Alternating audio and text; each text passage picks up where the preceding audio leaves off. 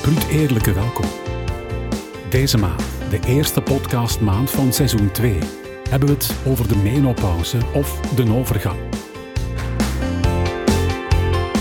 Hoi Lisbeth, uh, jij bent al een hele maand mijn wingman of woman of compagnon de route. Yes. We hebben het al van alles genoemd.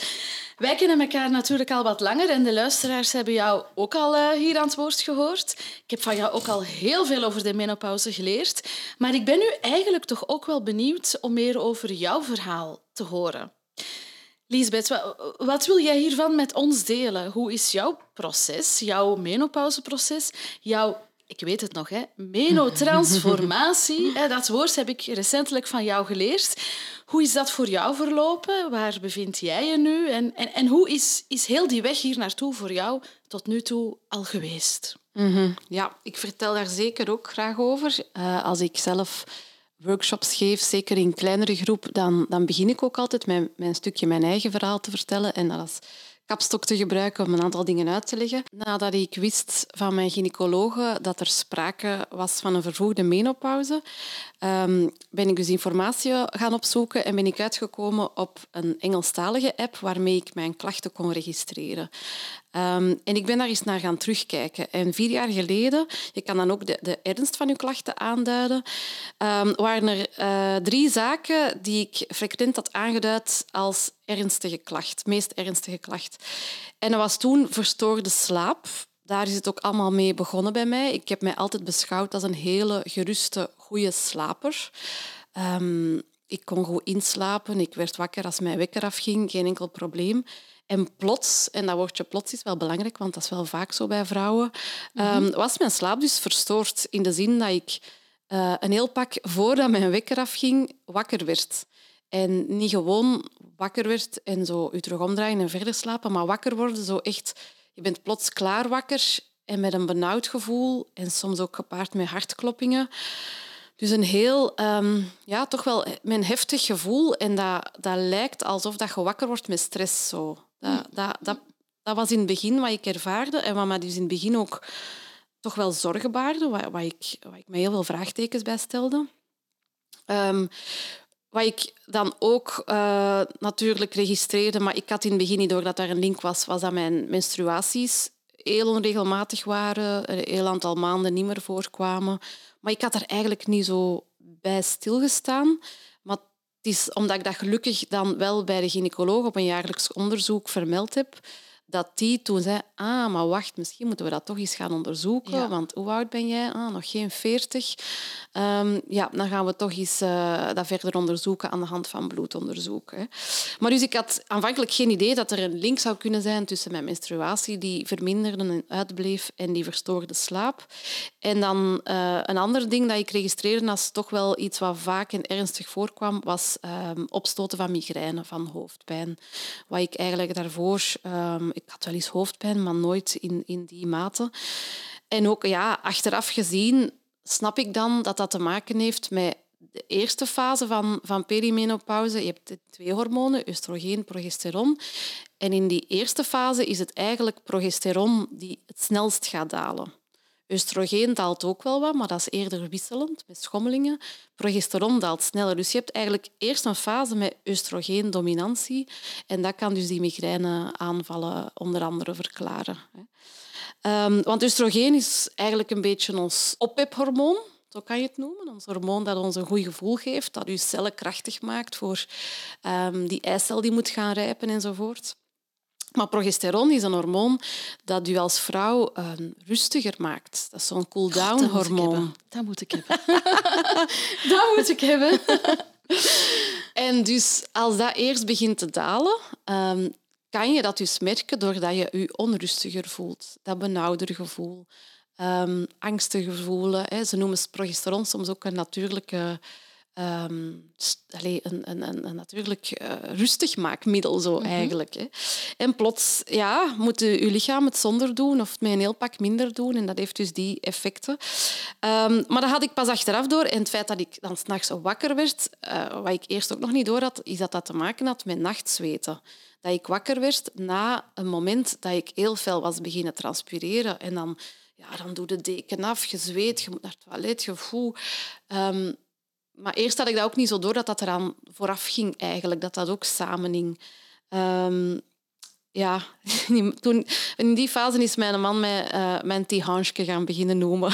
dat ik soms zo warm begin aan te voelen. En je voelt ook al, dat voelt alsof dat je huid echt bijna in, in brand staat zo, en zweten.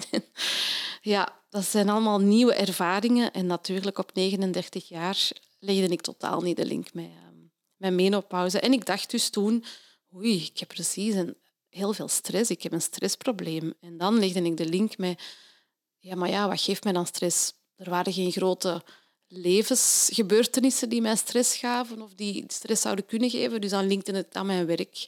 En dan um, ja, begon ik daar naar oorzaken te zoeken. Um, dus dat was best wel een verwarrende fase. Nadien um, is er een fase gekomen met ander soort klachten. Dus dan begreep ik allemaal wel beter wat er gaande was. Um, maar dan was het vooral zo spierpijn. Uh, waar ik last van had. In, in, op zo'n manier dat dat voelt alsof dat je zo een grieperig gevoel had. Zo is dat bij mij geweest. Hè. Bij andere vrouwen kan dat anders voelen. Spierpijn, een beetje gewrichtspijn ook, maar vooral zo eh, over heel mijn lichaam zo het gevoel van, amai, er is precies een griep aan het opkomen. En dan in combinatie met corona, COVID-periode, heb ik echt vaak gedacht, maar zal ik nu toch corona hebben of niet? Ah, nee, het was gewoon spierpijn die, die samenhangt ook met, um, met de fase van de perimenopauze en vermoeidheid. Um, echt zo eh, energietekort voelen. Of veel minder als, als anders. En nu, in deze fase, waarin dat ik uh, wel echt in de menopauze ben, is zo meer op emotioneel vlak um, dat ik veranderingen voel. Zo, um, ook dat angstiger gevoel, maar meer, ze zeggen soms, uh, beren op je pad zien. En wat ze daarmee bedoelen is, um, ja, ik merk dat ik, dat ik mij zorgen maak over dingen dat ik mij vroeger nooit zorgen over zou maken. Um, als, als mama, als persoon bijvoorbeeld. Ik moet terugdenken aan onze, onze reis van afgelopen zomer. En, en wij waren in Seattle en we hadden een, um, kampeerwagen gehuurd en we hadden die s'morgens vlak voor een museum op zo'n klein parkingplaats uh, gezet en ongeveer geschat tot hoe lang dat, dat nodig was. En tijdens de, de, stadsbezoek, de laatste twee uur, was ik beginnen denken, maar wat als die nu weggesleept is? En die laatste twee uur mij daar de hele tijd over zitten opwinden en zorgen maken. En wat moeten we dan doen? En dan daar zou ik vroeger nooit mee bezig zijn geweest. Zo. Dus um, angstiger, misschien ook wel zo dat, dat effect op stemming, zo, zo een, een lower mood, zeggen ze soms ook. Um, um, mijn vrolijke zelf soms wat moeilijker terugvinden. Uh, prikkelbaarder ook. Oh, soms zo bitsiger kunnen zijn. Ik, nee, zo wil ik echt niet zijn, maar ik stel het soms wel vast bij mezelf. Een kort lontje hebben, korter lontje hebben dan anders. Ehm, dat valt me de laatste tijd meer op. Ja. ja. Dus eigenlijk hoor ik jou zeggen, ik ben um, vooral aan het registreren gegaan. Mhm. Ehm, dat is misschien wel al een eerste goede tip voor de luisteraars. Als ze zo voelen, er is iets aan de hand. Oké, misschien moeten we het even registreren. Dan kunnen we het inderdaad nadien, bijvoorbeeld met een huisdokter, met de gynaecoloog, ook even overlopen en kijken, ja. zit daar ergens een lijn in of zo? Ja, dat is heel belangrijk. Um, ze zeggen soms ook, stel u voor als een film en niet als een foto. In de zin van, probeer het hele verhaal over te brengen als je op consult gaat. En, en niet enkel spreken over wat ervaar ik nu, wat is de waan van de dag, maar probeer echt het brede plaatje mee te brengen in je verhaal. Omdat het ook een breed scala van symptomen en klachten kan zijn. Um, en dus dat registreren je kan dat eenvoudig doen op papier, want er bestaat dus wel een lijst met meest voorkomende menopauzeklachten, waarvoor je dus voor jezelf in gradaties kan gaan scoren. En dat is echt een objectief, um, wereldwijd aan, aanvaarde uh, scoringslijst dat je kan gebruiken. En je kan dat op Google opzoeken en afprinten. Dat is de Green Scale, Green Climacteric Scale. Maar um, er bestaat dus ook zo'n app, dat is jammer genoeg op dit moment enkel een enkel Engelstalige app. De Balance-app van Louise Newson. Ik zeg die naam erbij, want je hebt ook een soort van meditatie-app die Balance noemt. Dus dat is ah, anders. Dus het is Balance uh, van Louise Newson. En dan kan je dus per dag gaan registreren en dan kan je een samenvatting vragen, een soort van reports opvragen Uh, bijvoorbeeld na twee maanden. En dan heb je een perfecte samenvatting om aan de gynaecoloog, aan de huisarts af te geven. Dus dat is eigenlijk een heel goede manier om tot diagnosestelling te komen. Ja. Um, ik kan ook al zeggen dat er nu een Nederlandstalige app in een testfase is, waar ik ook um, mijn feedback op aan het geven ben en met de ontwikkelaars aan het spreken ben, omdat ik hoop... Het is eigenlijk ontwikkeld voor Nederlandstalig... Um, eh, populatie, echt geënt op Nederland. Uh, maar ik heb zoiets, ja, als het Nederlandstalig is, dan moeten we het hopelijk toch ook in Vlaanderen kunnen gaan gebruiken. Dus ik hoop dat het toch breder gaat toegepast worden, dat Vlaamse vrouwen er ook iets aan gaan kunnen hebben. Maar dat is nog in een testfase, dat is voor later. Ja. En wat was voor jou het meest verrassende aan heel die menopauze, aan heel dat proces? Waar was je echt helemaal niet op voorbereid? Mhm. Ja, twee dingen eigenlijk. Het eerste is gewoon het feit dat er een fase in een vrouwenleven komt waarin dat je mogelijk, 77% van de vrouwen, heel wat klachten kan ervaren die ontregelend kunnen zijn. Ik dacht, Ik heb drie kinderen. Die zijn uit hun kleine kinderfase, uit de pampers, die zijn lagere school, die worden zelfstandiger. En dan komt er tijd vrij en dan kun je echt veel meer op je werk gaan focussen. Dan wordt er tijd hè, van alles mogelijk. Mhm. En dan blijkt er dus, nadat die kinderen opgegroeid zijn en dat die je slaap niet meer verstoren, dat er dus zoiets is als een menopauze dat je slaap kan verstoren en andere zaken lastig kan maken. Ja, en dus dat maakte mij eigenlijk boos, omdat ik dacht, mama, waarom heeft niemand mij dat ooit verteld? En waarom wordt daar niet over gesproken? En, en, en wat dan met al die vrouwen van de generatie voor mij dat dat meemaakten en daar precies ook niet over spraken.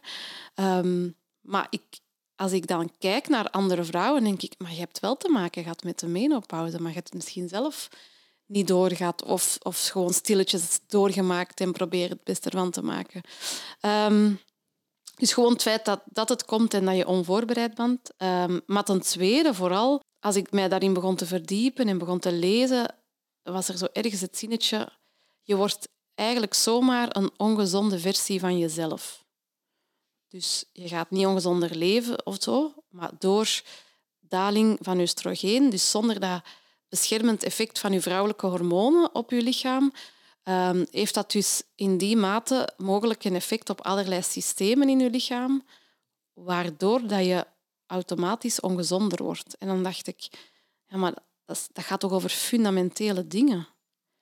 Dan moeten we het daar toch zeker over hebben. Het gaat over veel meer dan oh, mijn huid wordt droger oh, en mijn haar gaat misschien uitvallen. En ja, er wordt zoveel over die uiterlijke kenmerken en uh, uiterlijke lastigheden gesproken, maar eigenlijk gaat het over die die, die gezondheidseffecten. En dat gaat over fundamentele dingen. Dat gaat over een verhoogde kans op cardiovasculaire aandoeningen. Je insulineresistentie verandert, dus een, een grotere kans op diabetes. Dan heb je ook nog osteoporose. Um, dat zijn toch de fundamentele dingen waar het gesprek ook over moet gaan. En waar het veel te weinig over gaat. Ja. En op welke vlakken of in welke situaties voel jij je nu anders dan enkele jaren geleden, voor dat proces voor jou startte?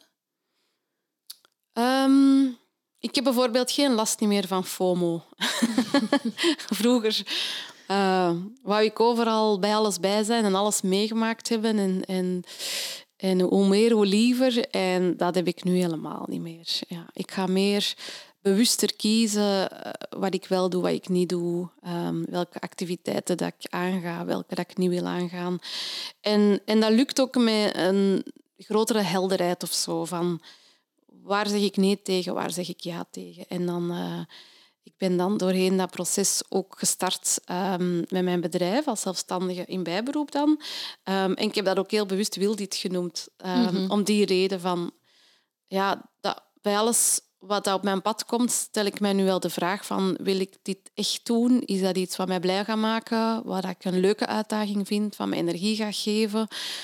Of, of niet? En dan helpt mij dat om, om ja of nee te zeggen en betere keuzes te maken. Um, maar ook mijn tijdsbesteding is helemaal uh, anders. Uh, een klein voorbeeld is, ik ga nu elke dag eigenlijk sowieso beginnen met, met iets voor mijzelf. En voor mij betekent dat dan beginnen met beweging. Mhm. Dus ik start nu elke dag met een vorm van beweging. Um, de ene ochtend is dat een, uh, een kort loopje gaan doen. vier à vijf kilometer, meer moet dat niet zijn. En de andere ochtend sta ik um, wat op mijn terras te sporten met gewichtjes. En, um, en ik sta daar vroeger voorop. Dat is eigenlijk begonnen uit noodzaak, want ik werd vroeger wakker. En ik heb het juist gezegd, dat was zo wakker worden vanuit een gevoel van klaar wakker zijn en wat benauwd zijn. Dus dan dacht ik, ja, dan sta ik maar op en dan voilà, begin ik aan mijn dag. En dan is dat zo gegroeid van, dan begin ik aan mijn dag met te sporten. En dat had zo'n positief effect op mij dat ik dat gewoon ben blijven doen. Um, maar ook bijvoorbeeld, ik sta nooit meer op de weegschaal. Ik weet dat, dat als je in een menopauze komt, je metabolisme verandert en je lichaam heeft de neiging om meer vet vast te houden. Um, jammer genoeg heeft je lichaam ook de neiging om spiermassa te verliezen. Dus daar moet je wel bewust van zijn. Um, en ik heb wel in het begin een fase gehad dat ik dacht, ja, een paar kilo's erbij, ik moet die eraf en liefst nog een paar meer. En dat ik begon met ook terug te registreren wat, wat eet ik op een dag en hoeveel calorieën zijn dat. En daar heb ik ondertussen helemaal losgelaten. Ik, uh, ik focus wel op gezonde gewoontes en ik doe de dingen, zowel qua beweging en voeding enzovoort, dat ik weet dat belangrijk zijn. En dan denk ik, zolang dat, dat, dat mij lukt, maakt dat ook niet meer zoveel uit wat nu effectief dat cijfer op die weegschaal is. Dus uh, ik sta daar eigenlijk nooit meer op. Misschien zo is na een vakantie. Zoals na drie weken in Amerika ben ik wel benieuwd. Ja. Zijn er nu niet wat kilo's bij gekomen? Ja, ja, ja. absoluut. Hè. Uh, dat is ook misschien niet de meest calorielage keuken, of hoe zeg je dat? Dus ja, ik kan me voorstellen dat je daar dan wel benieuwd naar bent. Zeg, en um, je hebt al een aantal dingen verteld, hè, maar als ik nu zou zeggen, één, je mag er allez, één uitkiezen, de, de, de, de klacht die jij absoluut als het meest ontwrichtend hebt ervaren, het meest vreselijk. Welke zou dat dan zijn? Of welke was dat voor jou? Ja, ik denk toch nog altijd dat slechter slapen, dat meermaals wakker worden per nacht. Omdat, ja, één, slaap is zo belangrijk voor mij. Ehm, altijd al geweest en nu nog meer. Maar twee, dat heeft dan op zoveel zaken dan ook weer een effect. Hè. Op je humeur natuurlijk, maar ook op de keuzes die je de dag daarna maakt, op vlak van eten bijvoorbeeld. Mhm. hè, dat is bewezen. Als je slechter slaapt, heb je meer trek in zoet. Wat je nu net um, wat moet proberen af te bouwen in de menopauze om verschillende redenen. Um, dus dat slecht slapen brengt zo'n domino-effect teweeg. We hebben het in de vorige aflevering ook al gehad over die cognitieve klachten. Mhm. Die komen er vaak ook al bij. En dat wordt dan ook nog eens versterkt door slecht slapen. Die concentratieproblemen bijvoorbeeld. En dat brengt dan weer andere dingen op gang. In mijn geval was dat um, onzekerheid. Want zoals ik daar juist zei, ik dacht dus... Oei, mijn lichaam heeft precies stress. Ik ervaar dingen dat ik anders nooit had. Dus er zijn precies verantwoordelijkheden op mijn werk dat ik misschien dan toch niet aan kan. Alhoewel dat ik dacht dat dat wel ging lukken. Maar misschien zegt mijn lichaam nu dat dat toch te veel vraagt van mij. Of, um, dus ik werd onzeker over mijn werkkeuzes en ik begon die in vraag te stellen. Um, en dat is zowel typisch een proces dat vaker bij vrouwen voorkomt. Hè. Interne attributie. We merken iets op we begrijpen het niet helemaal en dan gaan we in onszelf zoeken naar een oorzaak. Ik zal wel iets niet goed doen. Of ik moet dingen misschien anders gaan aanpakken. Ik moet nog beter mijn best doen om mijn stress goed te managen. Ik zie, ik zie heel veel vrouwen die al zo goed aan de slag gaan met allerlei zelfzorgtips en die dan mij dan vragen, maar wat kan ik nog meer doen? En ik denk, maar Suske, je gaat aan een burn-out krijgen van, van al die tips rond, rond zelfzorg en beweging en voeding zo goed mogelijk toe te passen. Maar misschien ai, hoef je het daar niet te zoeken. Hè? Ja. Um, dus voilà. Maar nu, in deze fase, denk je, ach, dat angstige, dat is zo hetgeen wat mij nu dan echt toch doet voelen. Zo van, ah, zo angstig reageren. Ik kan dat nu ook zo in het verkeer hebben, bijvoorbeeld. Dat zo s morgens in spitsuren, al die fietsers, die pubers, die doen maar op en die vliegen door de bocht. En als ik dan plots zo'n onverwachte beweging vlak voor mijn fiets, dan krijgt dat echt zo'n fysieke reactie op mij. Zo, zo'n halve paniekaanval. En dan, dan voel ik mij echt zo alsof ik ga reageren, zoals een oud vrouwtje. En ik zijn nu toch iets kalm. Rustig, ja. zo. Die, die fysieke voelbare angstreacties. Zo, dat, dat vind ik niet leuk. Daar wil ik mij nog zo wel over kunnen zetten om, om ja, zo dat, dat levenslustige en dat avontuurlijke of zo zeker niet kwijt te geraken. Ja. Zeg Lisbeth, jij, hoort natuurlijk ook zeer veel verhalen van andere vrouwen in hun uh, menotransformatie. Wat zijn zo verhalen of ervaringen van vrouwen die jou het meest zijn bijgebleven? Dingen die toch wat meer zijn blijven plakken misschien? Verhalen die echt indruk op jou hebben gemaakt? Ja, ik moet zo aan verschillende vrouwen denken, maar, maar wat mij nu zo vooral bijblijft, is iemand die ik uh, ken, die mij op een bepaald moment, ik had die al lange tijd teruggezien, mij direct aansprak van oh, ik heb gezien, ik heb gehoord dat jij bezig bent rond menopauze en ik denk dat dat bij mij ook enorm speelt en ik heb daar veel vragen rond. En enfin, uiteindelijk is hij naar zo'n uh, menopauzeavond gekomen die ik, uh, die ik gaf. En achteraf kwam zij naar mij en ze zei van met alles wat ik nu heb gehoord en weet, denk ik, dat speelde echt een rol bij mij, nog altijd, in heel erge mate.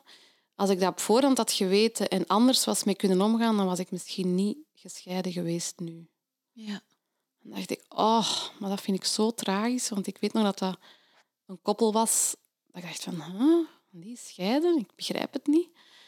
Um, dus zij zei van, ik, ik, ik ik voelde mij zo anders. Ik werd er onzeker van, mijn partner werd er onzeker van.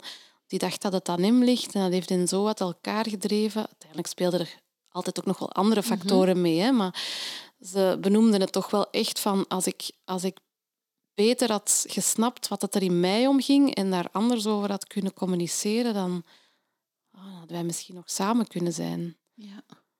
ja.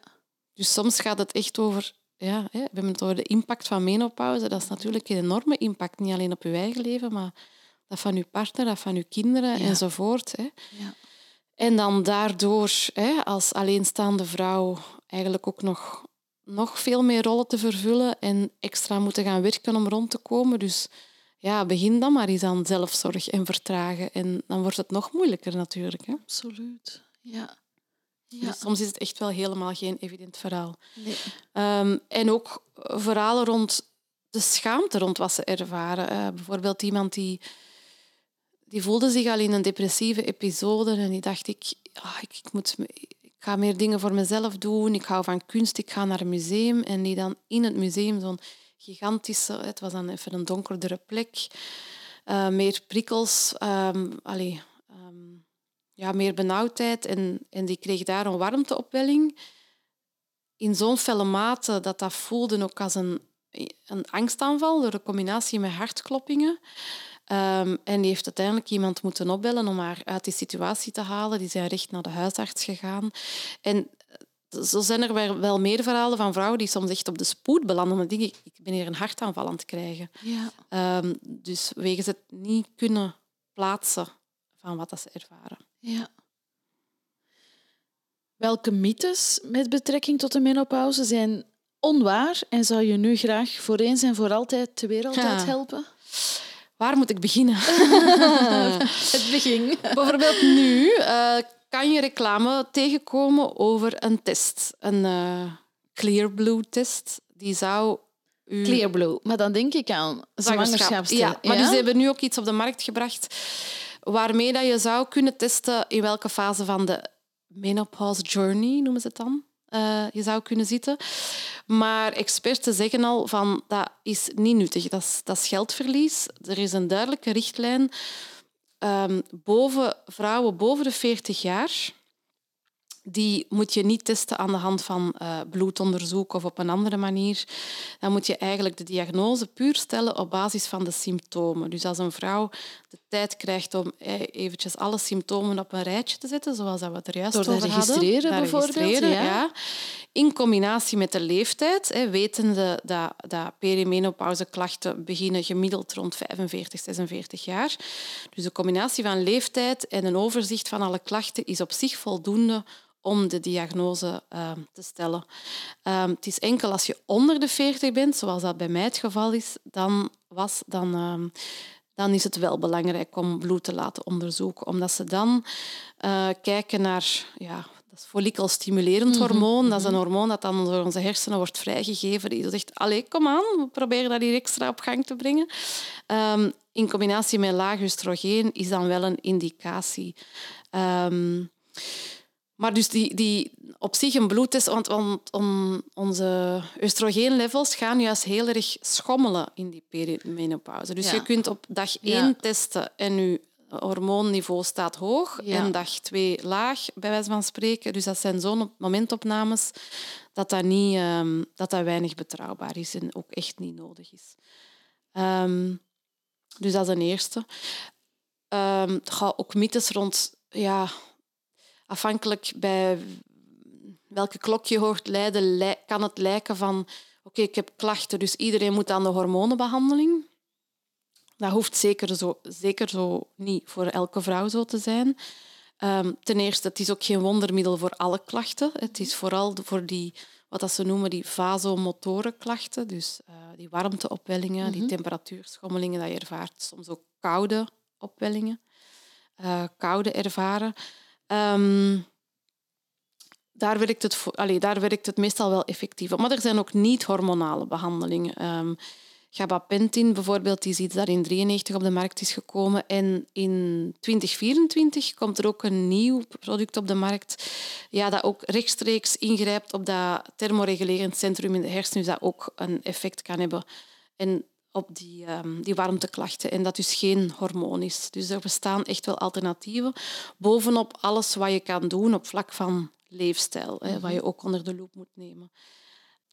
En als het dan over hormonen gaat, ja, um, daar wordt heel veel over gezegd, want er is de angst rond het effect op um, ja, uh, borstkanker, hormoongevoelige borstkanker. Um, dus veel vrouwen hebben zoiets... Tegenwoordig, ja, hormonen staan zo ook in een negatief daglicht. Dus veel vrouwen hebben zoiets... Nee, ik wil zo lang mogelijk proberen zonder hormonen die menopauze door te maken. Ik wil er vanaf. Um, maar eigenlijk blijkt dat onderzoek, er is zo wel een, een window of opportunity, noemen ze dat. Een best mogelijke periode om met hormonen te starten als je last hebt van klachten. En eigenlijk is die periode om ermee te starten best zo dicht mogelijk bij de, de leeftijd dat je in de menopauze komt. En zeker niet te lang te wachten, want het is net voor vrouwen bijvoorbeeld boven de, de 60 jaar, uh, hoe ouder dat je wordt, hoe meer het wordt afgeraden om die hormonen te nemen. Dus als je jonger bent, rond de 50, onder de 50, rond de 50, um, ehm, en je hebt heftige klachten en dan vooral die vasomotorenklachten, is het net wel een indicatie om het uit te testen. Want je kan het gerust uittesten in een lage dosis. Ze spreken soms ook van ultra-low dose. Um, en, en als het uh, na twee, drie maanden eens eventjes bekijken, helpt het of helpt het niet? Ja, als het helpt, dan ben je zeker dat de overgang een rol speelt in je klachten. Hè. Um, nu, er zijn ook een aantal tegenindicaties. En dat is iets wat heel goed met een dokter moet besproken worden. Als er een familiaal risico is op tromboses bijvoorbeeld, die... Uh, uh, dat is één groot onderdeel waarom dat het een, tegenindicatie kan hebben. Ook um, de gevoeligheid voor borstkanker moet je ook gaan bekijken in de familie. En ook je lever moet er goed aan toe zijn, want in je lever worden die hormonen um, ook verwerkt, afgebroken. Dus um, levergezondheid is ook een hele belangrijke. Daarom de link met alcohol, dat is ook iets wat je merkt in de menopauze. Als je vraagt waarom wat... kijkt jij nu zo naar... Allee. Ja, nee, dat is gewoon Waarom kijk je nu knikkend naar mij? Dat past wel bij mezelf, waar ik vroeger heel graag met mijn vrienden een avondje op café ging en mee pintjes dronk. Ik drink nu nauwelijks nog een pint, omdat ik weet, de volgende dag ja, moet ik het bekopen en ik heb het er niet meer voor over. Dus dat is gewoon ook iets wat ik gemerkt heb dat veranderd is. Ja. ja. Jammer genoeg. Dus dat heeft met die lever te maken, onder andere. Oké. Heel wat mythes bij deze. Samen met die beren op jouw pad hè, um, de wereld uitgestampt bij deze. Hè. En wat met menopauze en seks? Of, of seks tijdens de menotransformatie? Hoe, hoe zit dat nu eigenlijk? Kan je dat wat toelichten, Lisbeth? Wat uitklaren voor ons? Is het gedaan met de seks wanneer een vrouw in de overgang komt? Hoe, hoe zit dat nu eigenlijk allemaal? Laat ons daar nu eens brut eerlijk over zijn. Ja, eerst en vooral, het uh, hoeft zeker niet gedaan te zijn met de seks. En, en op elke leeftijd uh, heeft een vrouw in, in of buiten een relatie recht op goede seks, dus ook tijdens de menopauze. Dat gezegd zijnde zijn er vaak ook wel een aantal uitdagingen die het soms wat moeilijker maken. Mhm. En waar misschien over gesproken moet worden. Of, uh, dus iets waar wat vaak voorkomt, is hè, um, ja, daling van oestrogeen wil zeggen uw slijmvliezen drogen uit. Dus ook in de vagina kan je te maken hebben met vaginale droogte. Mm -hmm. hè. En dat kan maken dat seksuele betrekkingen soms pijnlijk kunnen zijn. Hè. En als menopauze in een taboesfeer zit, dan kan het ook zijn dat vrouwen zoiets hebben oh, dat hoort er dan misschien wel bij. En dat, dat oké, pijnlijke seks, dat is nu maar zo. Ik moet dat misschien dan ook maar verdragen. Kom, even doorbijten. Maar dat is natuurlijk niet de goede manier om daar te doen. Dat is niet de bedoeling, nee. Nu, ik moet zeggen dat ik daar zelf niet, op dat vlak niet zoveel last van heb. Wat misschien een beetje raar is, want een van de andere dingen dat ik, dat ik eh, op op stoten was uh, dat ik plots mijn lenzen niet goed kon verdragen. Ik begin even over iets helemaal anders, maar daarna kom ik terug bij de seks uh, vochtigheid, slijmvliezen, ja, ja, ik ben maar mee. ja, effectief. Als ik dan naar de oogarts mhm. ging, dan, en ik, dan zei hij ah ja, maar ja, dat heeft ook te maken met menopauze. En dan dacht ik, ja, lap, nogal iets. Hè? Maar dus effectief, slijmvliezen van de ogen worden droger, maar dus ook van de vagina worden vaak droger. En dat kan, dat kan lastig zijn. Dat kan wondjes geven, dat kan pijnlijk zijn. En dat hoeft niet zo te zijn. Um, dus wat kan helpen? Um, een, een glijmiddel op basis van siliconen, niet op basis van water, want dan droogt nog meer uit, kan al helpen. Maar wat ook kan helpen is, je hebt um, echt um, oestrogeen zalf of soort tabletten die dat je dus heel lokaal via de huid kunt uh, aanbrengen. En dan verdwijnen de, die klachten van vaginale droogte, of atrofie noemt dat dan, mijn chiquer mm -hmm. woord, uh, meestal redelijk snel, um, hoor ik zeggen en blijkt ook uit onderzoek. Nadeel is een beetje, als je daarmee stopt, dan komen de klachten ook wel, ook wel gewoon terug. Dus je zou dat dan ook wel lang moeten blijven nemen. En zoals met veel uh, dingen rond menopauze en, en hormonen en, en behandelingen enzovoort, is er eigenlijk weinig onderzoek over de effecten op lange termijn.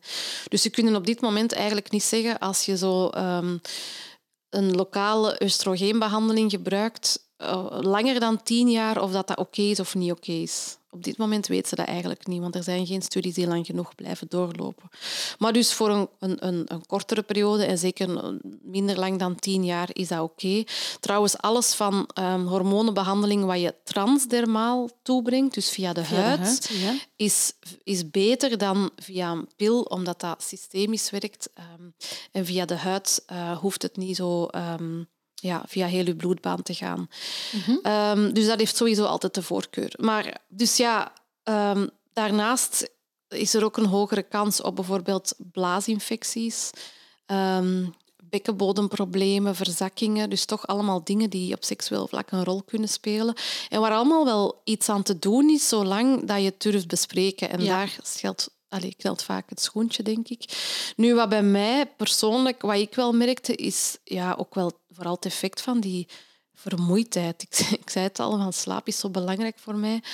Dus s'avonds uh, ben ik zo blij dat ik mijn bed zie en mm -hmm. dat ik mij kan ontspannen en dat ik gewoon um, de dag achter mij kan laten. En dan is het meestal niet zo ah, laten we nu nog eens aan seks beginnen. Ik wil gewoon slapen, dat ik, dat ik weet dat ik die uren heb gehad. Zo. Ja. Dat was het vooral ja. een, fase. En ook, ja, als je zo die klachten hebt van nachtelijk zweten, je wordt een paar keer per nacht zwetend wakker, kan je ook zeggen, die geur verandert ook. Mm Op dat vlak mm -hmm. beginnen we ook op ons pubers te lijken. Maar...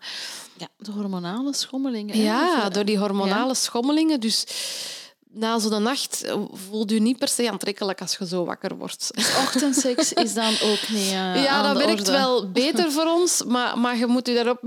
Je moet je daar Met een precies, neusknijper of zo.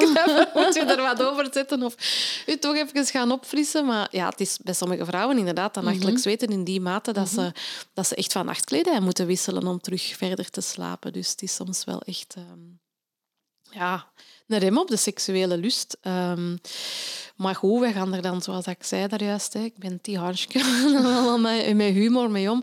En bovendien, ik, mijn man zit ook wel in een fase van ja, zo precies moeilijker kunnen recupereren van hard werken, wat lichamelijke kwaaltjes. Die, die staat ook wel zo meer op zijn rust en zijn slaap. Dus bij hem is daar ook wel iets aan het veranderen. Dus gelukkig uh, ja, zitten we allebei precies in een soort van overgang. Maar mm -hmm.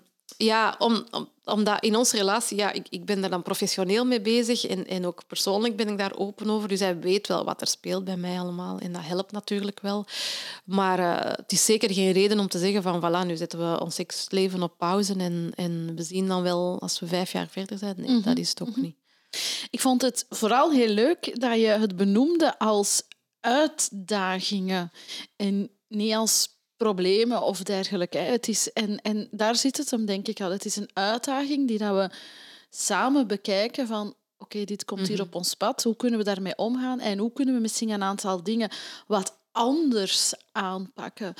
Um, en niet al zien, het lukte niet meer zoals het vroeger uh, ging, dus we stoppen ermee. Maar nee, het lukt inderdaad niet meer op die manier, maar kunnen we samen een andere manier mm zoeken waarop het wel lukt. Mm En je had het hier bijvoorbeeld over het tijdstip. S'avonds um, vind ik het niet zo leuk meer. Oké, dan kunnen we misschien naar een mhm. ander tijdstip zoeken. Hè. Maar een mhm. beetje het, het, het, proces van zoeken samen aangaan. Van, oké, wat past in deze fase op dat vlak wel bij ons? Hè? Wat vinden wij wel leuk? Ja. Ja. ja. ja. Oké. Ik vind het ook heel boeiend om te horen hoe jij jouw... Ehm, expertise eigenlijk hebt opgebouwd hè, om vrouwen met menopausale vraagstukken te begeleiden. Hoe ben jij hiertoe gekomen? Hoe is dat pad, uh, dat professionele pad dan zeg maar, voor jou gelopen? Kan je hier wat meer over vertellen? En, en wat doe jij momenteel exact allemaal rond vrouwen en menopauze? Mm Ja, zoals ik zei, bij mij was het startpunt 1, 39 jaar en dan bij de gynaecoloog te horen krijgen dat het woord menopauze bij jou van mhm. toepassing is. Mhm. En dan ook tijdens datzelfde consult, denk ik, de uitspraak, ja, vanaf nu ga je wel gezond moeten leven. Maar ja, jij bent wel gezond en sportief, dus dat is wel oké. En ik knikte toen heel braaf, ja, ja. Mhm. En achteraf dacht ik, maar waarom zegt hij dat nu eigenlijk? Je gaat gezond moeten leven. Ehm, ja, die uitspraak bleef zo in mijn hoofd rondwalen. Zo, vooral die waarom-vragen.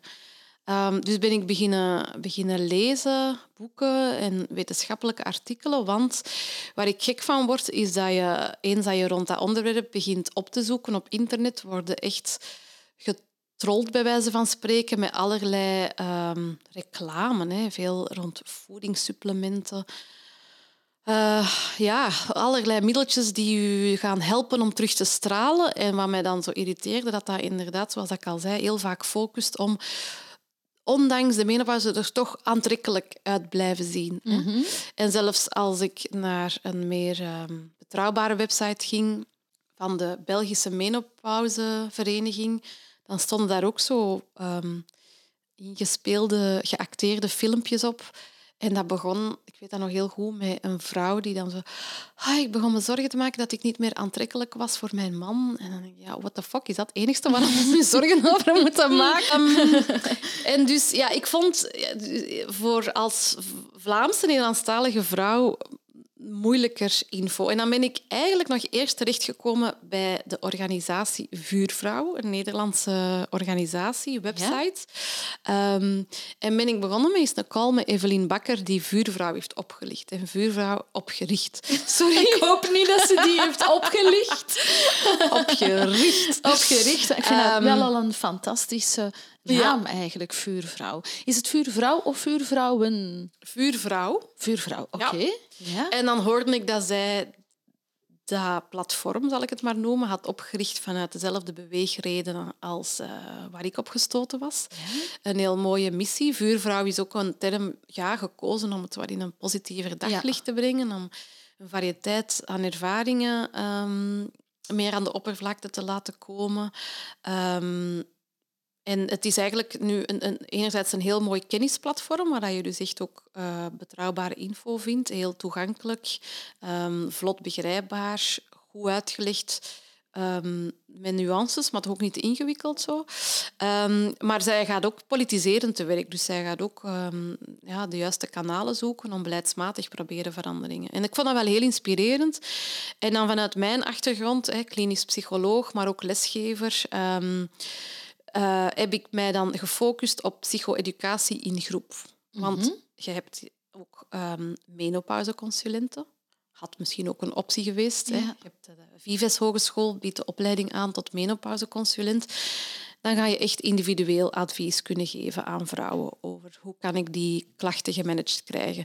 Maar ik heb dus een keuze gemaakt om, om dat niet te doen, maar mij echt te focussen op ja, waar ik goed ben. En eigenlijk kan je dat dus psycho-educatie voor groepen noemen. En ik ben eerst gefocust, met, uh, gefocust op, op de vrouw zelf en haar kring van, van vriendinnen door... Um, noemde dat walk and talk avonden. Dus uh, we kwamen samen, ik geef informatie, ik geef ruimte om uit te wisselen. We gingen tussendoor ook eens wandelen.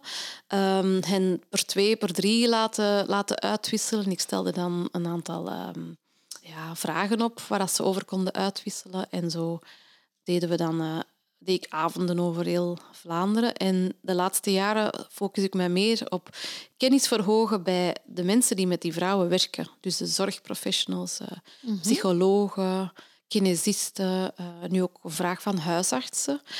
Ehm, dat is redelijk, uh, ja, toch uniek, denk ik, dat, dat huisartsen zelf aangeven. Eigenlijk weten we daar niet genoeg. En het komt meer in de media, dus we krijgen ook meer vragen van vrouwen, maar, maar we voelen ons niet stevig genoeg in ons schoenen eigenlijk om vrouwen goed te informeren. Um, dus ja, er, er zit wel beleidsmatig uh, het een en ander nog, dat er nog aan schort om, om die basiskennis tot bij elke vrouw te krijgen. En dat begint met de, ja, de mensen waarbij die vrouw bij terechtkomt als ze, als ze met vragen zit. Dus huisartsen, zorgprofessionals. En dan natuurlijk ook de werkomgeving. Um, daar gaan we het misschien straks ook nog over hebben, maar we zitten in een burn-out-epidemie en als je kijkt naar de leeftijd uh, en, de, en, het geslacht, ja, dan zitten we vaak bij vrouwen in die leeftijdsfase. Dus dat is ook wel een, een, een link. Hè? Ja.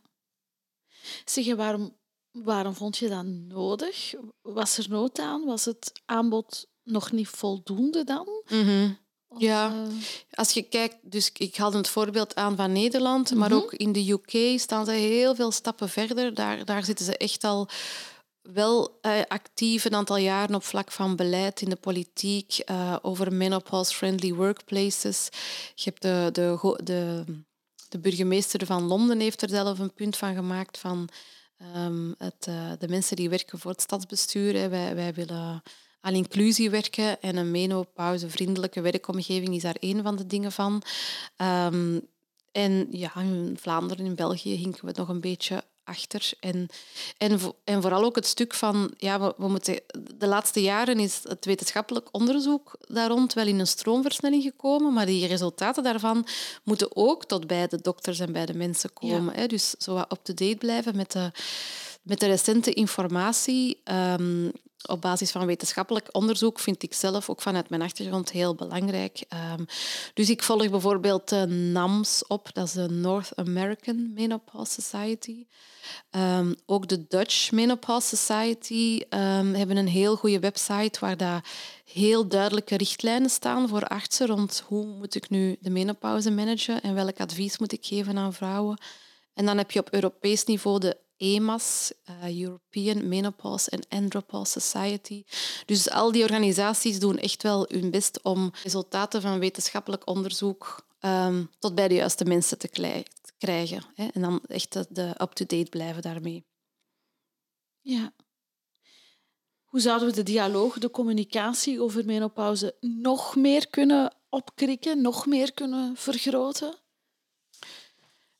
Ja, ik denk het verschil kan echt liggen in zo de kleine gesprekjes ehm, tussen vrouwen. Ja. Als we gewoon allemaal al eens vaker dat woord laten vallen van ga, ik merk de laatste tijd dat op en ik denk toch wel dat dat met de menopauze te maken heeft. Of ik heb het met mijn vriendinnen daarover. Of, um, dus ja, maar, maar het blijft natuurlijk een onderwerp waar dat we niet zo makkelijk taal voor vinden. Hè. We spreken in Vlaanderen van vapurkjes. En ik vind dat zo'n verschrikkelijk woord, omdat dat zo minimaliserend Ja. is. En dan, Ja. dat lijkt dan ook het enige te zijn. Of zo. Hè? Ik Ah, moet ja. zeggen, ja, dat is ook zo jaren bij mij het beeld geweest. Mijn, ja. Ja. zo, mijn tante Marie-Jeanne, Ja.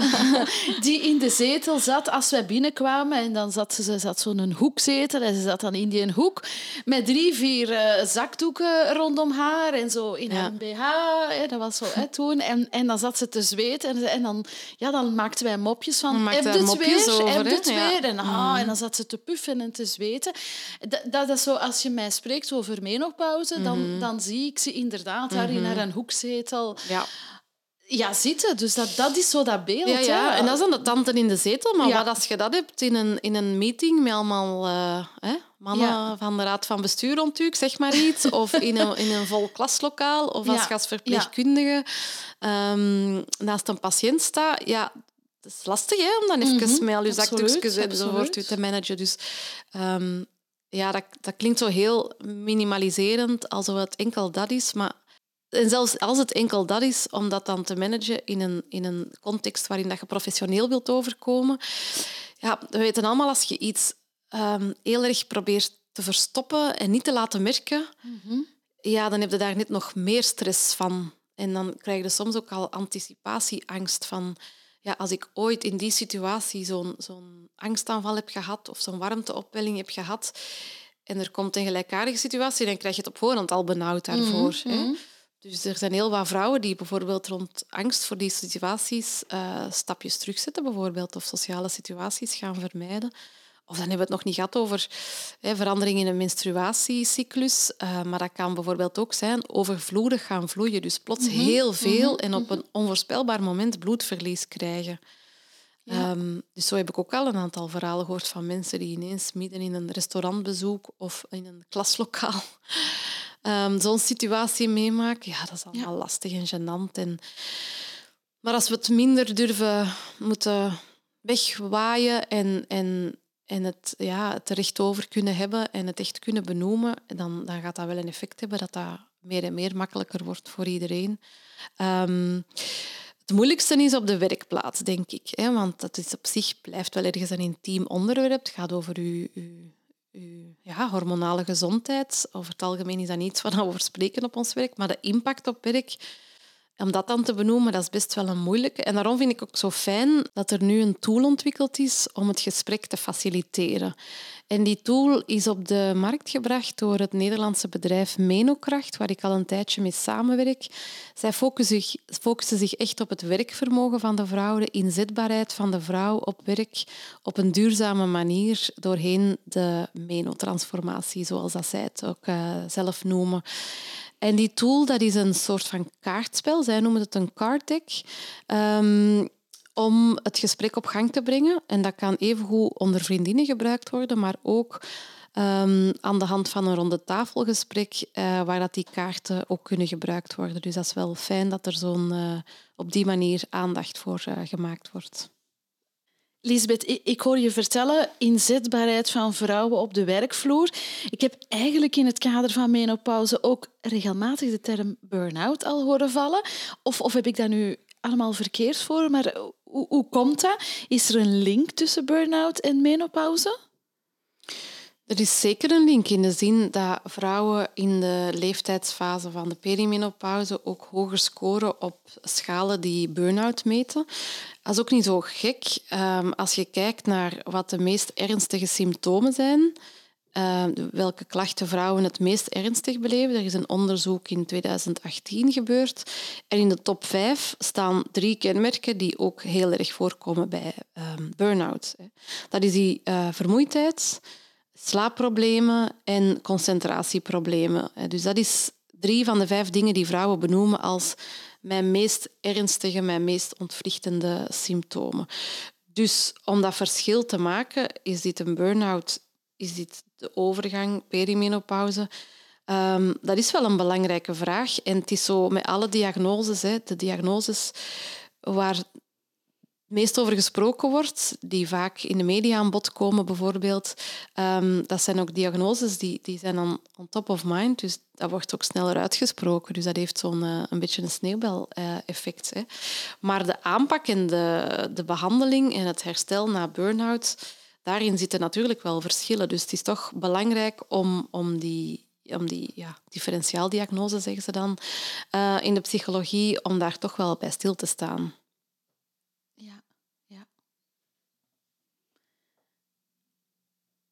Hier moet je dan ook wel je... Ja, en dit is eigenlijk ook echt de, de expertise van Menokracht, waar ik daar juist over sprak. Omdat die heel actief zijn in bedrijven, heel veel communicatie hebben met mensen die met HR bezig zijn. Um, en dus Marieke, Marieke Schuring van Menokracht, zij heeft het uh, bedrijf opgericht, uh, is daar heel veel mee bezig. Dus dat is uh, zeker ook fijn om van haar expertise daarin te leren. Ja, ja, we hebben Menokracht uh, al een paar keer horen vernoemen hier deze maand. Hè. Het heeft me eigenlijk enorm nieuwsgierig gemaakt.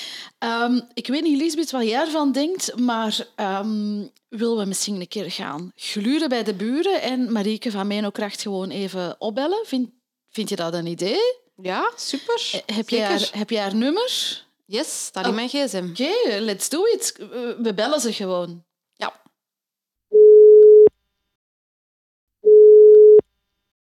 Hallo, met Marieke van Menokracht.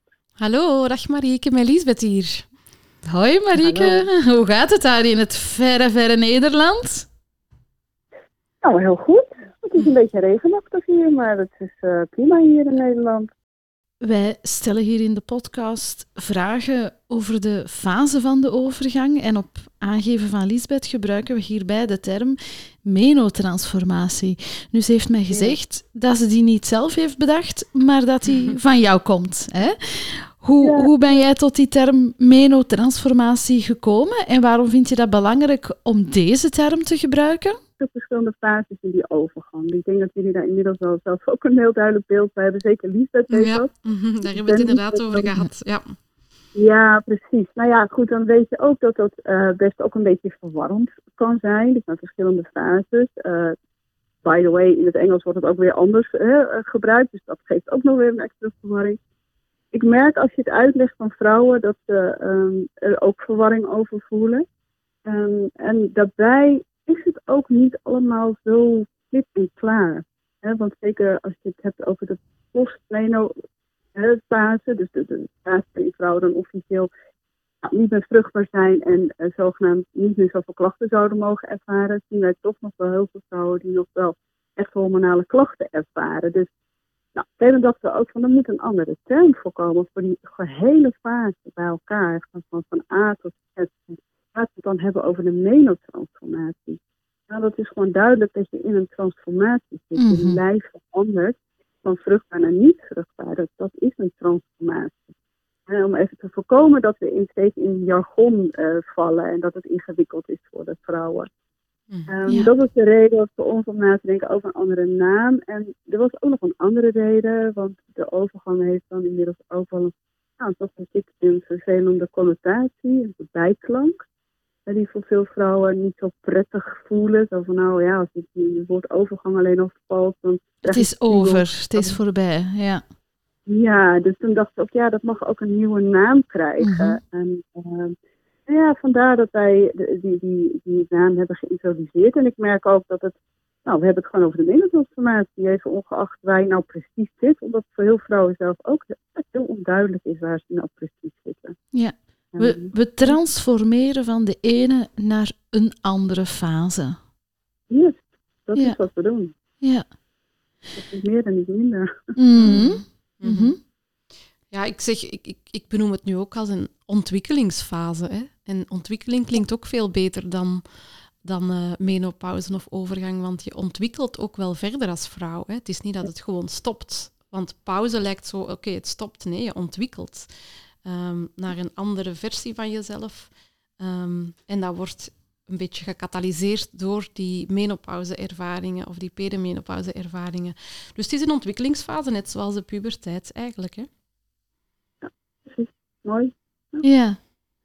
Zeg Marieke, um, Lisbeth had hier nog iets zeer interessants uh, voor mij meegebracht, namelijk een card deck die jullie ontwikkeld hebben. Van waar komt mhm. dit idee en, en voor wie is dat bedoeld? Voor wie? Voor wat? Voor waar? Voor hoe? Tell me. ja. Nou ja, eigenlijk zou ik zeggen, vul het in. Want uh, nee, ik zal het, dat is flauw natuurlijk, ik zal het uh, een beetje toelichten.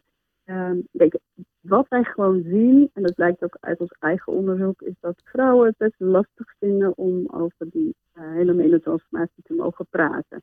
En zeker ook op die werkvloer. Het is altijd een uitdaging. Nou, dan weten we toevallig in, uh, ook wel van de leidinggevende en de HR-mensen dat ook vanuit die kant, vanuit die professionele kant, vindt men het soms ook lastig om dit thema op te pakken en bespreekbaar te maken. Dus wij hadden behoefte aan een simpel iets waarmee je het gesprek kan voeren, zonder dat je daar meteen uh, helemaal zelf diep in hoeft te duiken, uh, of van de hoed en de rand hoeft te weten, uh, of je ongemakkelijk te voelen. Dat het eigenlijk een beetje spelenderwijs het gesprek mag, mag gaan over wat die vrouw ervaart in deze ontwikkelingsfase of in de menotransformatie.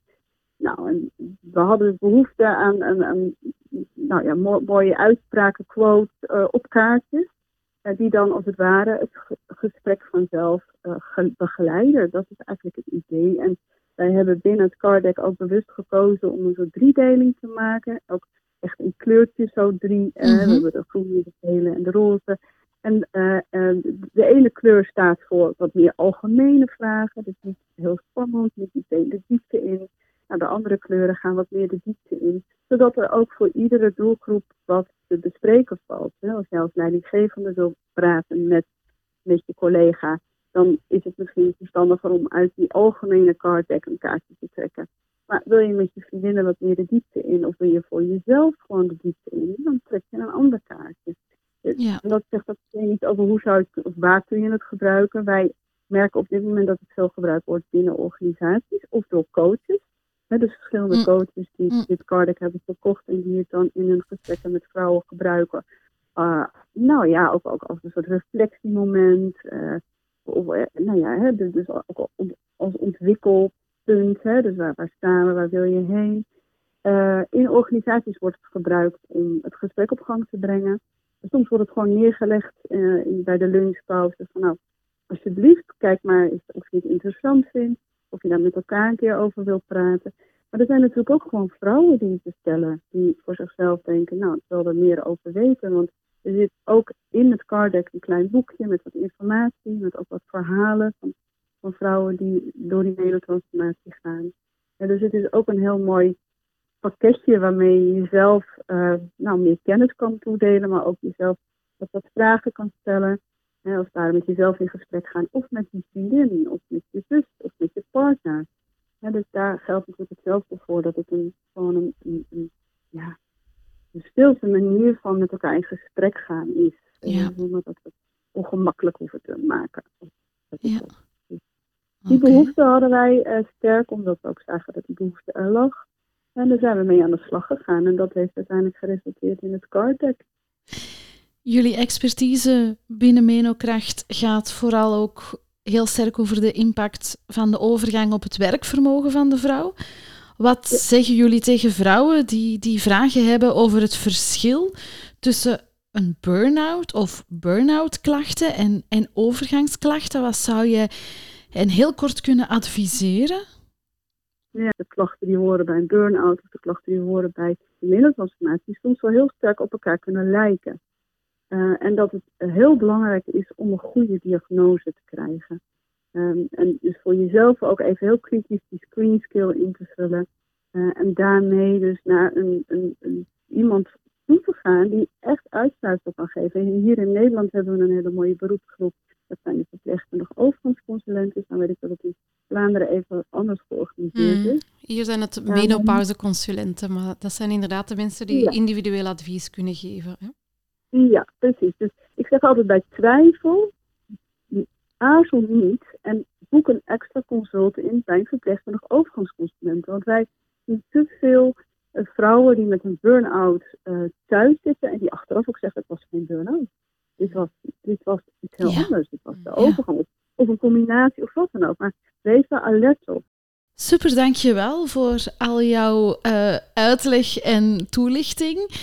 Ja, nou graag gedaan allemaal. En heel veel succes ermee. Ja. Dankjewel. Tot gauw, dag Marieke. En uh, Lisbeth van Nederland even snel terugvliegen naar Vlaanderen. Mm. Hoe zie jij de komende tien jaar voor jezelf? Welke keuzes wil jij voor jezelf, zowel op privévlak als op professioneel vlak, nog maken of gaan maken? Um, ja, professioneel vlak. Um, ik moet zeggen, grote plannen zijn er wel en niet. In de zin van, um, zolang dat ik voel dat ik ergens bevlogen mee kan bezig zijn, zoals nu die topic waar ik mee bezig ben, en ik, uh, ik doe daar van alles rond en ik spreek daarover, uh, ik merk dat zo de bal blijft rollen. Hè? Um, bij alles wat ik doe, is dat nu een workshop, een lezing, een keynote, daar vloeit altijd weer iets nieuws uit voort. -hmm. Iemand anders aan mij vraagt. Een podcast. Of een podcast. of toch een bedrijf. Of, mm -hmm. um, en, en bij elke nieuwe vraag, zoals ik zei, de naam van mijn bedrijf is Wil dit, wil ik vooral blijven voelen van... Uh, vind ik het nog fijn om te doen, haal ik plezier uit. En, en dan vind ik het ook gewoon leuk om te zien hoe dat, dat blijft evolueren. Mm -hmm. En, en mezelf kennende zou het ook kunnen dat ik op een bepaald moment toch ja, dat ik het wat beu ben of de interesse wat verlies. Of dat ik denk, het is nu aan andere mensen om daar verder mee te gaan. En misschien komt er dan wel een ander topic op mijn pad. Um, dat zullen we wel zien. Dus vooral blijven voelen wat mij voldoening geeft en daar dan meer van doen.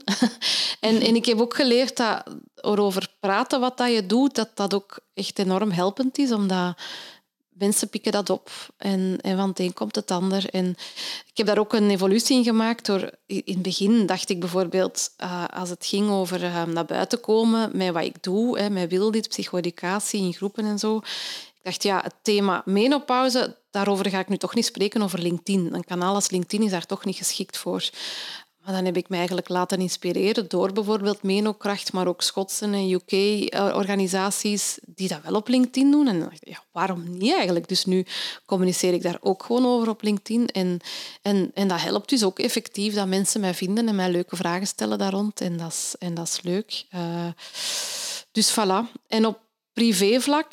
Um, het is wat ik, wat ik daar juist zei ik, ik wil wat, dat, dat angstiger gevoel zo. Ik wil daar wel bewust mee blijven omgaan, om dat niet te veel uh, mijn doen en laten te laten bepalen. Dus um, in mijn kern ben ik een heel levenslustig iemand en ik zeg heel vaak heel impulsief ja op dingen mhm. die mij voorgesteld of gevraagd worden. En, en, en het is pas vaak achteraf dat ik denk, oh, maar ga ik dat wel kunnen? of is dat wel iets voor mij? Maar zo die, ja, ik doe het, uh, dat wil ik ook nog wel uh, blijven behouden en ja. zo um, zien waar het leven mij brengt. Ja. Klinkt mooi. Mm. En wat wil je dat er anders is voor de komende generatie vrouwen wat betreft menopauze? Wat wens je bijvoorbeeld dochter, nicht, jongere zus? Uh, wat, wat wens je hen toe als zij de leeftijd bereiken waarop ze in die oh, misschien wel gevreesde overgang komen? Wat, ja. wat zou je graag toch wel veranderd zien tegen dan? Dat is eigenlijk een normaal onderdeel van hun in educatie is. Uh, er is nu weer veel te doen rond uh, seksuele voorlichting mm -hmm. voor kinderen, jongeren en welke plaats dat, dat mag krijgen in onderwijs. Um, en, en ik vind dat een belangrijk topic, uh, want we weten dat er vanuit de thuisomgeving heel veel verschillen zijn met hoe dat er gepraat wordt over seksualiteit en Absoluut, over ja. um, wat er in je lichaam gebeurt als hormonen opkomen of terug wegvallen. Um, dus ik hoop dat dat wel echt een rechtmatige plaats kan krijgen in, in educatie op school, in cursussen. Dat er meer over gezegd wordt van dat is de puberteit, wordt helemaal uitgelegd en dan menopauze, ah ja, dan stopt het punt. Zo één zinnetje ergens, dat dat toch wel wat genuanceerder over uh, gepraat wordt in allerlei cursussen. Ook voor psychologen, ook voor huisartsen, Absoluut. ook voor gynaecologen. Dat dat echt een Ja. standaard ding is dat in hun, hun curriculum zit. En ik wil Ehm. daar ook nog de seksuologen en de vroedvrouwen aan toevoegen. Want Mhm. eerlijk gezegd, ik weet niet ondertussen, want ik ben ook al heel veel jaren afgestudeerd. We gaan niet tellen hoeveel. Maar nog in, Mhm. nog in, in de seksologie, nog in de vroedkunde, eh, wordt daar heel veel aandacht aan geschonken. Terwijl dat je daar toch wel ja, echt zou zou denken, verwachten, voilà, hè? voilà, Ja. voilà. Dus bij deze misschien ineens een, een oproep ook. Hè? Ja. Ja. Zeg, en zo eh, naar beleid toe, wa- wat zou er daar best, best nog gebeuren? Stel, je zou onze beleidsmakers een aantal Hmm. tips mogen geven. Graag. Wat, wat, wat, wat zou je zeggen? Vragen, adviseren? Eh, wat, moet er, wat moet er daar gebeuren? Ja, ehm, ik denk dat registratie een belangrijke is op populatieniveau. Hè, dat we toch weten, cijfermatig, hè, hoeveel vrouwen zijn er bijvoorbeeld in die vervroegde overgang. Hè. Ehm, zoals ik het zei, kan geïnduceerd zijn door kankerbehandeling, door operaties, maar het is ook nog weinig onderzocht. Dus bij sommige vrouwen gebeurt het ook zomaar en weten we niet goed waarom. En net door het effect op gezondheid, waar we het daar juist eventjes over hadden, ehm, is het wel belangrijk voor vrouwen dat ze, dat ze wel echt weten wanneer dat ze in de menopauze komen, zodat ze hun, hun leefstijl daarop kunnen aanpassen, zodat ze gerichtere keuzes kunnen maken, dat ze zich versterkt voelen met kennis. Dus na registratie komt dan natuurlijk het stukje van gericht informeren. Ehm, en dat zijn echt eh, topics die, waar dat beleidsmatig mee aan de slag moet gegaan worden. Hè. Ehm, dus ik was heel blij als ik een aantal maanden geleden een artikel in de krant zag staan. Ehm, deze keer vanuit een eh, politieke hoek. Hè. Ja? Dus er is een eh, CD&V-senator die samen met enkele anderen ehm, dat op de agenda heeft gezet. Ehm, en dat is Karin Brouwers. Ehm, en, en zij hebben echt de intentie om zich nu door allerlei specialisten goed te laten informeren. Ze hebben ook al heel veel onderzoek uitgevoerd om dan echt beleidsmatig aan de slag te gaan. Dus menopauzebeleid ehm, uit te stippelen. Trouwens, niet alleen over menopauze, ook nog over andere topics, typische topics van vrouwengezondheid. Maar ja, Ja. ik, ik volg daar natuurlijk op. Dus eh, ik heb contact met haar gemaakt, dat is heel fijn. En sindsdien ehm, houdt ze mij en ook andere menopauzeconsulenten bijvoorbeeld op de hoogte wanneer dat er een open hoorzitting doorgaat in de Senaat. Je kan die online volgen of je kan zelfs ter plaatse gaan meevolgen. En dan, dan kan je echt live horen op welke manier dat er over nagedacht wordt. Oké, super interessant. En je hebt me weer ongelooflijk benieuwd gemaakt. Ik, ik zou eigenlijk ook wel eens naar mevrouw Karin Brouwers willen bellen om te horen hoe ver zij inderdaad momenteel staat in, in al haar acties. Ehm, Ja, ik denk dat ze daar zeker voor open zal ja, staan. oké, we, we doen dat gewoon. We doen dat gewoon. Eh, waar is haar nummer? Lisbeth? Dat heb ik ook ergens, maar dat moet ik even opzoeken. Oké, doen we gewoon. Doen we.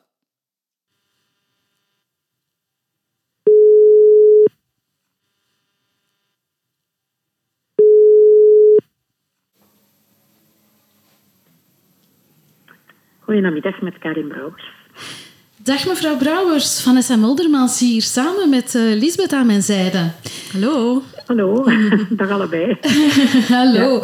Ehm, u bent Vlaams volksvertegenwoordiger en senator. En ik heb begrepen dat u graag een menopauzebeleid wil uitstippelen. En u heeft daar ondertussen ook een voorstel van resolutie voor ingediend. Hè.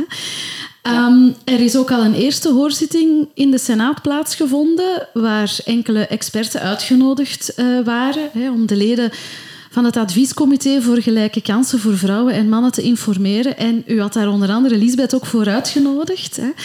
Ehm, die hoorzitting kon ook online gevolgd worden. Er is ook nog een tweede eh, hoorzitting geweest en er staat een derde op het, eh, op het programma. Lisbeth heeft ook al verteld eh, over de noden die zij ziet om het onderwerp menopauze en perimenopauze ook beleidsmatig aan te pakken.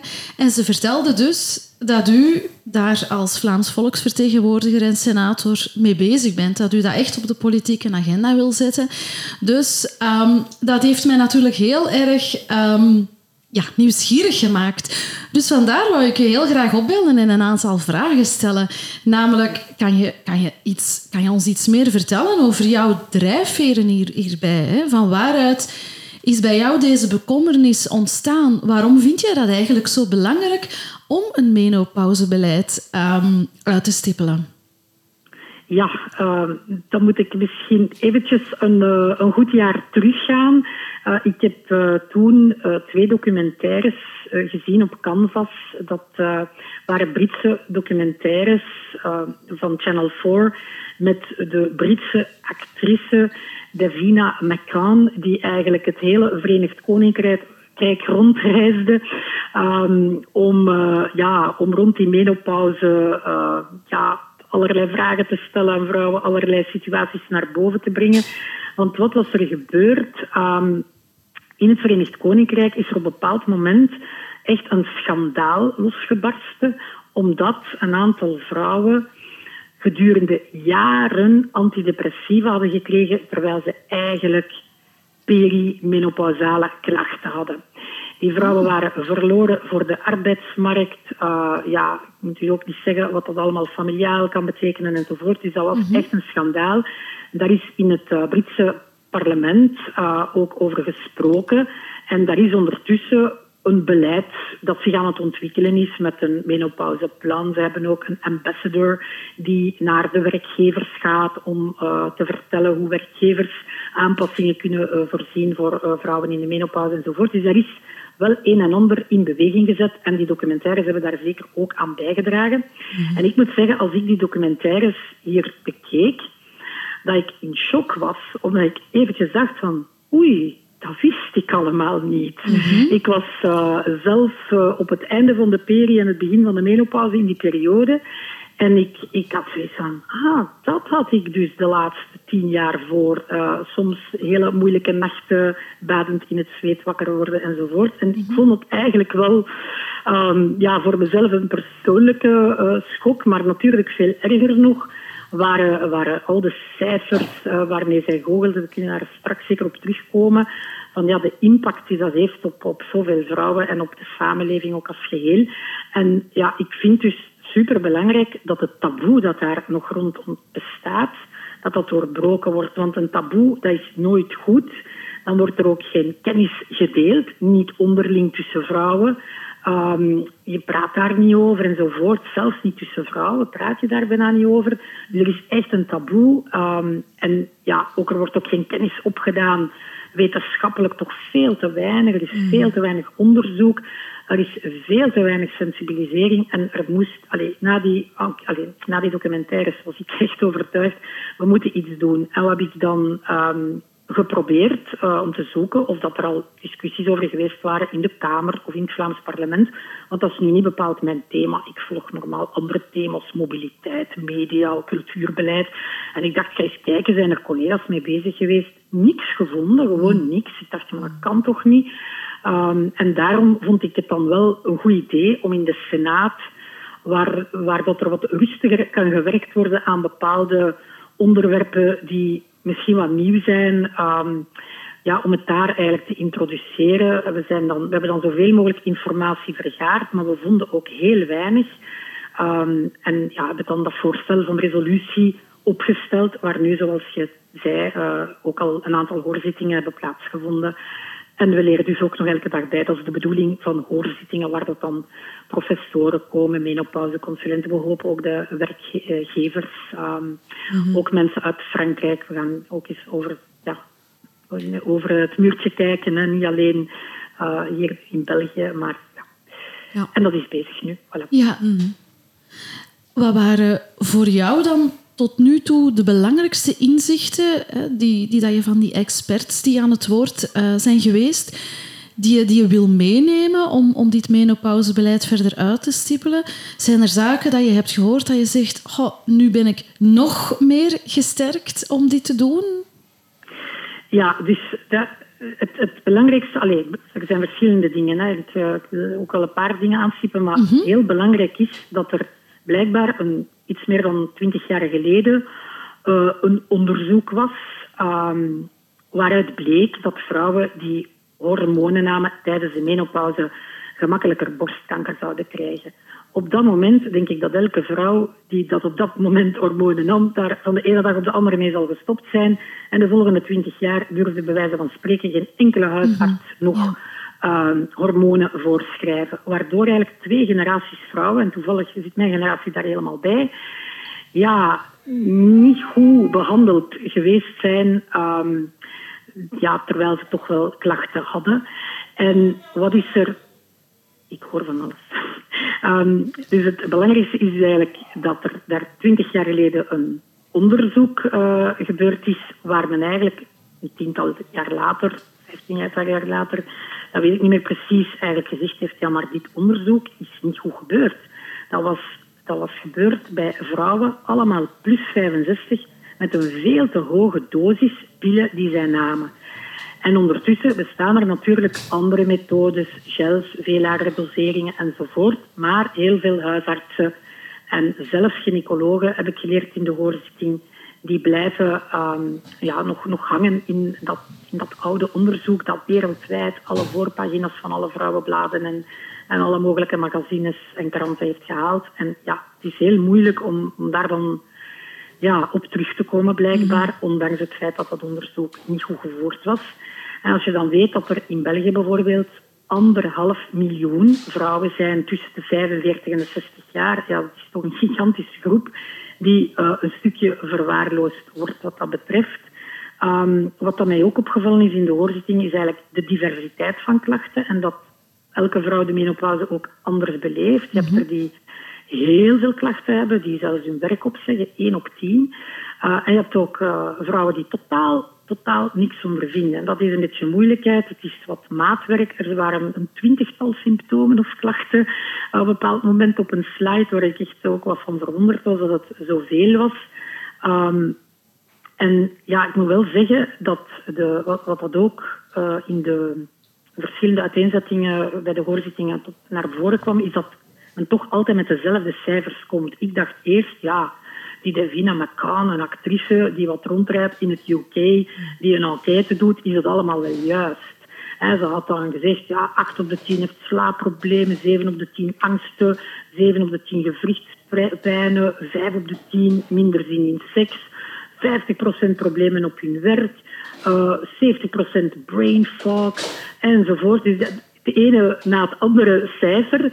Maar wat blijkt nu? De weinige onderzoeken die er ook bij ons al gedaan zijn, ja, daar komen diezelfde cijfers ongeveer terug op een paar procenten na. Uh, dus het, er moet toch wel wat uh, van aan zijn. Je hebt dus mhm. eigenlijk ja, de diversiteit van klachten, uh, toch wel hele grote aantallen die met, met klachten te maken krijgen. En wat dan mij ook opgevallen is bij de hoorzitting, en dat, dat was ja, iets wat ook al in die, die tweede documentaire vooral mij toch wel heeft, heeft aangegrepen dat uh, het feit dat uh, vrouwen op een bepaald moment geen oestrogenen meer of minder aanmaken, dat eigenlijk een bescherming wegvalt tegen hart- en vaatziektes, uh, tegen botontkalking, maar ook, en dat was in die tweede documentaire heel duidelijk naar voren gekomen, ook tegen dementie. En dan dacht ik, amai, dat is mhm. toch wel even slikken als je dat uh, hoort en ziet. En ja, professor De Pieper heeft dat ook al bevestigd. Dat blijkt ook echt zo te zijn.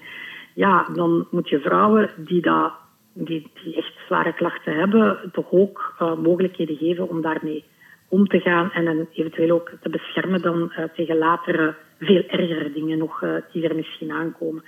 Dus dat uh, een beetje rond ja, wat ik voorlopig uit de hoorzittingen heb geleerd. Het is, het is nog veel meer dan dat, maar uh, ik denk dat het de belangrijkste zijn. Ja, ja.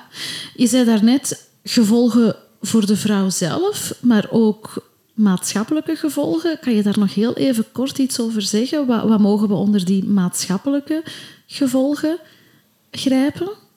Wel, um, ik heb al, al gezegd dat 1 op 10 uh, mm -hmm. van de vrouwen die in die periode zitten gewoon stopt met werken of ontslagen wordt of zelf ontslag neemt. Ja, dat zijn dus honderdduizenden vrouwen die verloren zijn voor de arbeidsmarkt. Terwijl we net nu ook met een krapte op die arbeidsmarkt zitten.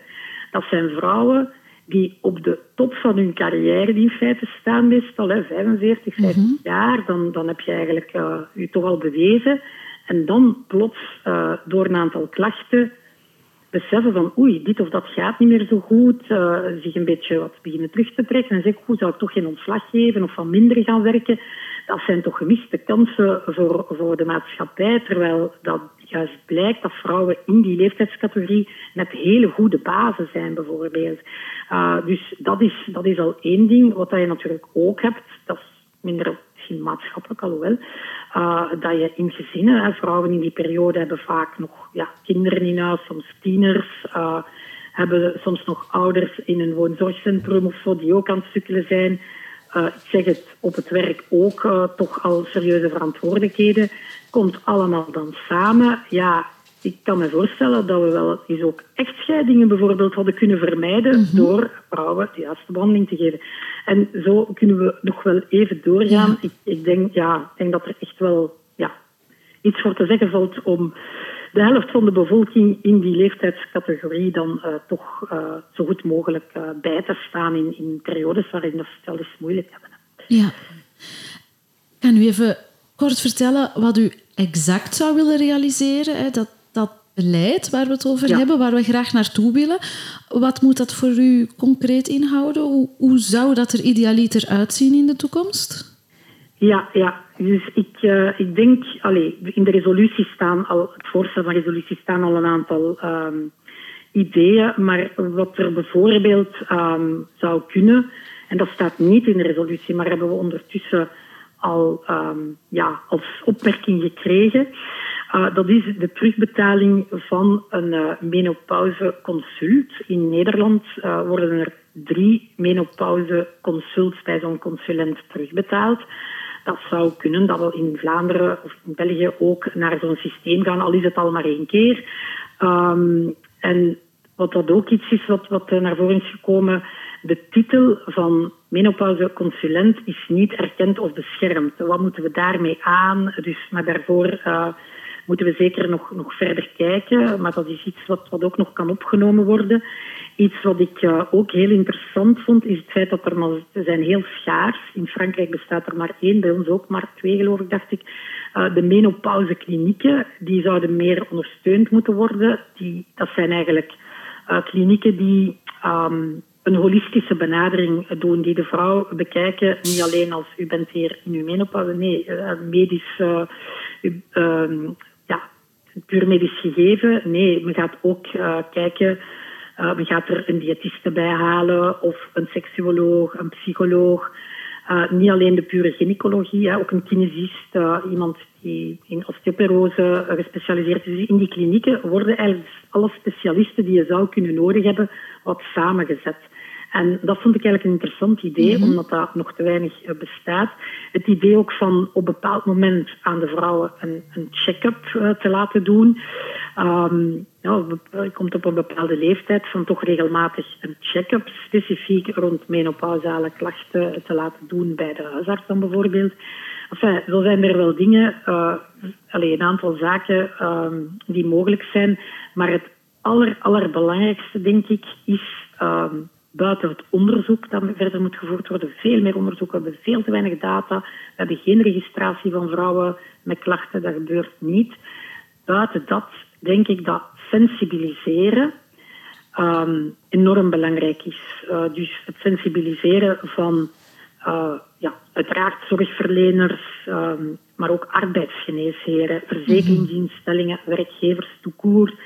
En ook het brede publiek, hoe, hoe, dat we hen kunnen sensibiliseren. En ik ga één voorbeeldje geven, en dat is iets dat je vrij snel zou kunnen doen uh, met de kennis van vandaag. En dus niet met die foute kennis van 20 jaar geleden, maar met de kennis van vandaag een folder maken die bij huisartsen um, ja, ter beschikking is. Ik herinner mij, als ik op een bepaald moment zei, ja, ik wil hier geen kinderen meer, dan kreeg ik een foldertje in mijn handen, zoveel jaar geleden met alle mogelijke vormen van anticonceptie op een heel eenvoudige manier uitgelegd met tekeningetjes en al. Dat was echt een goed foldertje, het feit dat ik het mij nog herinner. Mhm. Wel, ik heb nooit een foldertje gekregen waarin men mij eens uitlegt wat is menopauze, wat zijn alle mogelijke klachten, want het zijn er zoveel die mogelijk zijn.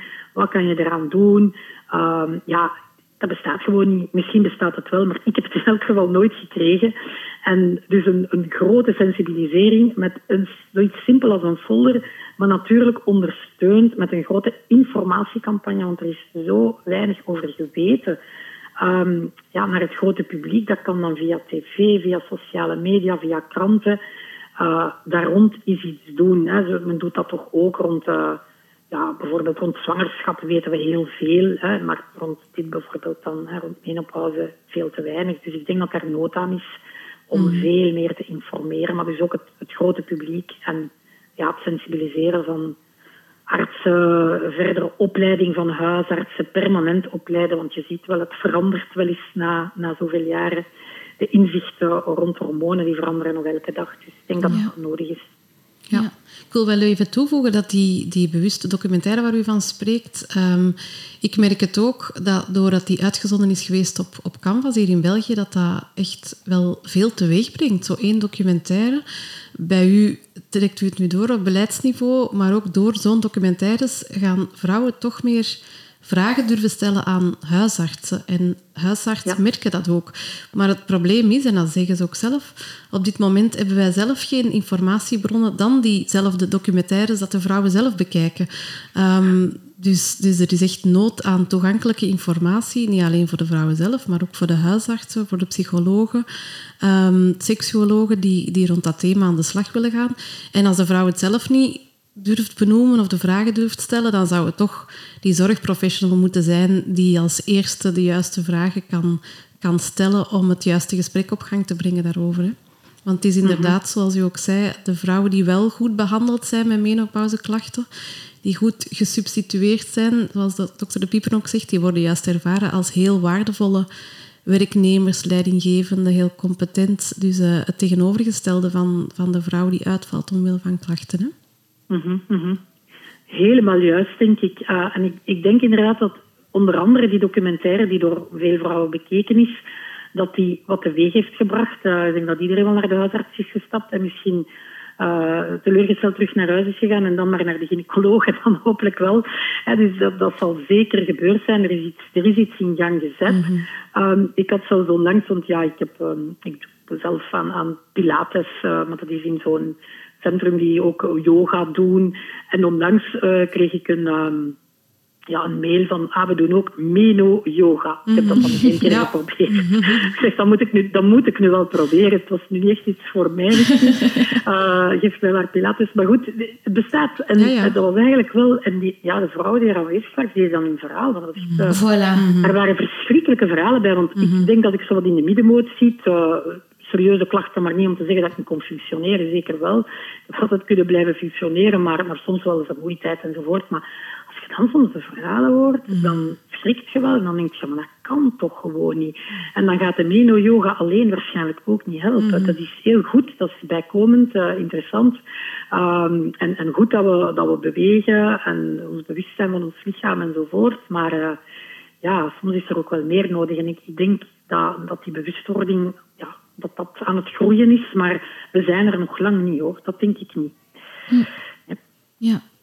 maar natuurlijk het, het bijvoorbeeld uh, bij die Meno-yoga noemt u het nu, um, heb je enerzijds het yoga-aspect, maar anderzijds ook wel het samenkomen van die dames die in een soortgelijk verhaal zitten en die dan waarschijnlijk wel wat meer geneigd gaan zijn om hun ervaringen en hun verhalen te delen en uit te wisselen. En zo misschien ook wel wat van elkaar kunnen leren. En dat is toch ook wel een heel belangrijk aspect naast het effectieve yoga of pilates of, of, of eh, naast het inhoudelijke stuk. Of, ja, eh. ja.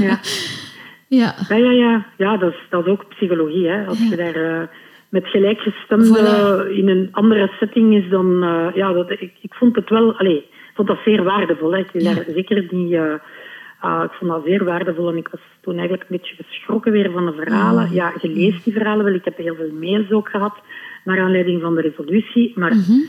ja, blijkbaar moesten vrouwen in stilte lijden, want de overgang, dat gaat over. Nee, uh, dus dat gaat niet zomaar over en dat duurt ook heel lang. En als vrouwen dan worden thuisgezet en nooit meer aan de slag geraken. Dat is toch verschrikkelijk. Niet alleen voor de economie, hè, maar ook voor je zelfbeeld, uh, voor je gezin. Allee, ik, ik vind dat we dat gewoon niet mogen laten gebeuren. En met een goed beleid daaromtrent, rond de menopauze, zoals men dat in de UK nu volop aan het uitwerken is, kunnen we echt wel um, ja, de zaak meer naar, naar voren brengen, het taboe doorbreken. Uh, en ja, ik denk dat de huisartsen toch wel ja, in, hun, in hun vorming daar, daar uh, ja, op, opnieuw, sommige cursussen zullen, zullen opnieuw cursus moeten gaan volgen. Hè, want er is heel veel veranderd. En je voelt dat vrouwen soms ja, niet altijd geholpen worden in de eerste lijn. En ja, Mm-hmm. Dat, is, dat is al iets waar wat aandacht voor zou kunnen zijn in zo'n plan. Um, ja. En uiteraard die gezondheidscampagne in het algemeen, um, ja, waar dat ook informatie wordt gegeven over die symptomen, de impact die dat heeft, de behandelingen. En dan heb ik eigenlijk nog niet veel gezegd over ja, hoe gaan werkgevers ermee om. Um, wat kan daar gebeuren? Ik, ik, denk dat er echt wel een en ander kan. Maar daar moeten ook een stukje middelen tegenover staan natuurlijk. Mm-hmm. En ja, het zal altijd uh, een discussie zijn. Dus uh, ik pleit een beetje, dat klinkt nu misschien raar, maar we gaan een verkiezingsjaar in. Uh, dat er bij volgende regeringsonderhandelingen, zowel federaal als Vlaams, de minister van Volksgezondheid, de minister van Welzijn, dat die ook minister van menopauze wordt. Mm-hmm. En dat daar eindelijk um, ja, binnen gezondheidsplannen van, van al onze overheden ook uh, ruim aandacht naar kan gaan. Want het gaat over een hele uh, grote groep uh, van mensen, hè, van vrouwen. Ja. ja. En in C gaat het over gendergelijkheid. Hè? op de werkvloer, ja. maar ook op het maatschappelijk niveau. Hè? Net omdat er specifiek onderzoek naar die thema in de behandeling en de effecten van medicatie enzo, enzovoort, zeker op lange termijn, veel te weinig uh, onderzoeken zijn op, om ons op te baseren. Net daarom worden de meeste adviezen ook zo voorzichtig geformuleerd nog. Hè? Ja. ja. En trouwens, ik wou nog eventjes toevoegen over de... Je had het over de eerste lijn en dan... U zei ook van de, de enkele voorbeelden van menopauzeklinieken. Um, als we over het muurtje kijken in Nederland, is daar ook een, een mooi voorbeeld in de tweede lijn. Dat is zo'n hoofd-hart-hormonennetwerk, H3-netwerk. Dus dat ze, waarin dat ze ook stimuleren dat de zorgprofessionals op de drie domeinen echt intensiever gaan samenwerken en samen rond een vrouw staan om mm -hmm. een holistische ja. behandeling voor te stellen. Dus er zijn rondom België ook, uh, ook al heel mooie voorbeelden. Ja. ja, dat is goed. Hè? Die kunnen ons inspireren natuurlijk. Mm -hmm, en absoluut. Rond het verhaal van gender um, en onderzoek, uh, wetenschappelijk onderzoek um, op vlak van geneeskunde, medicatie enzovoort, ja, dat is, dat is geweten. Uh, en wij, wij pleiten ook in ons, um, in ons resolutie, ons voorstel, dat er ook op Europees niveau bij klinische studies een uitsplitsing gebeurt van resultaten per geslacht, omdat ja, nu worden ook heel veel onderzoeken, zelfs, zelfs onderzoeken van bepaalde medicijnen en zo, bijna enkel op mannen getest. Niet volledig, maar enfin. Dus er is eigenlijk, ja, maar dat is, er is weinig aan te doen geweest, omdat dat, dat, dat komt uit, uh, uit het verleden. Dat is historisch zo gegroeid dat het mannenlichaam blijkbaar de norm was. En daar zijn heel veel onderzoeken op gebeurd. En ja, vrouwen lopen wat dat betreft achter. En we moeten nu wel uh, die inhaaloperatie doen. En ook Europa kan daarbij helpen hè, door uh, ja, ook rond het onderzoek naar nieuwe geneesmiddelen een verplichte genderevenwichtige samenstelling van proefpersonen op te leggen enzovoort. Staat ook allemaal netjes in de resolutie, maar um, ja, daar zijn we dan daar zijn we nog niet. Hè. Maar er zijn ook Europese verkiezingen, dus misschien interessant om, om daar ook in het Europees programma uh, iets van te zeggen. ja. ja. Oké. Okay. Voilà, maar uh, dan is misschien bij deze onze inhaalspurt uh, ingezet hè, om die mannen ja. in te halen. Hè? Ja. ja. Mevrouw Brouwers, mag ik afsluitend aan jou vragen? Uh, het is misschien een beetje, een beetje dromen, hè, maar dromen mag. als jij mag dromen, waar hoop jij binnen dit en tien jaar te staan, bereikt te hebben binnen heel het menopauze-thema? Wat zou prachtig zijn? Wat zou je geweldig vinden om, of, of, of om binnen tien jaar uh, bereikt te hebben? Ja, binnen tien jaar uh, dan ben ik waarschijnlijk al van mijn pensioen aan het genieten. en ik hoop dus echt dat de opvolgers in de verschillende parlementen, want het zijn gedeelde bevoegdheden, um, in de verschillende parlementen, de verschillende parlementsleden ehm, blijvend aandacht uh, hebben voor die thema. Hè, want het, kan nu niet bij een one-shot in de Senaat blijven. Dus ik hoop echt dat ook de andere parlementen en de opvolgers in die parlementen daarmee aan de slag gaan. Uh, zodat nog eens tien jaar later, wanneer dat mijn eigen dochters uh, stilaan in de mhm. menopauze gaan komen, dat zij niet moeten meemaken wat mijn generatie uh, daar rond toch heeft meegemaakt als ik de vele verhalen hoor en toch ook een stukje zelf ervaren heb dat het niet allemaal oké was. Ja, oké. Dat is mooi en dat hopen wij alvast samen met jou dat we dat inderdaad binnen tien jaar gaan mogen ervaren. Ja, ik hoop het ook. ja. ja. Dankjewel voor jouw uh, toelichting. Dankjewel dat wij jou vandaag mochten uh, opbellen. En, nee, jullie zijn ook bedankt om het thema onder de aandacht... Uh, ook, ook dit is heel belangrijk. Hè. Ik heb gesproken over sociale media, maar ook podcasts mm, ja. zijn zeer belangrijk. ja, ja, vooral de luisteren daar ook graag naar. Voilà, voilà. Dankjewel ook voor, om aandacht te hebben voor het thema. Ja, ja graag gedaan. Dank Dankjewel. Fijne dag verder. Dag. dag. dag. En van Karin weer terug naar jou, Lisbeth. Ik heb nog één vraag voor jou. Van welke ervaring of voor welke ervaring ben jij de menopauze eigenlijk dankbaar? Hoe is het of zou het voor jou toch ook iets heel positiefs en moois kunnen zijn? Wat is er voor positief voor jou uit voortgekomen? Mm. Uit heel dit niet altijd makkelijke proces? Mm -hmm.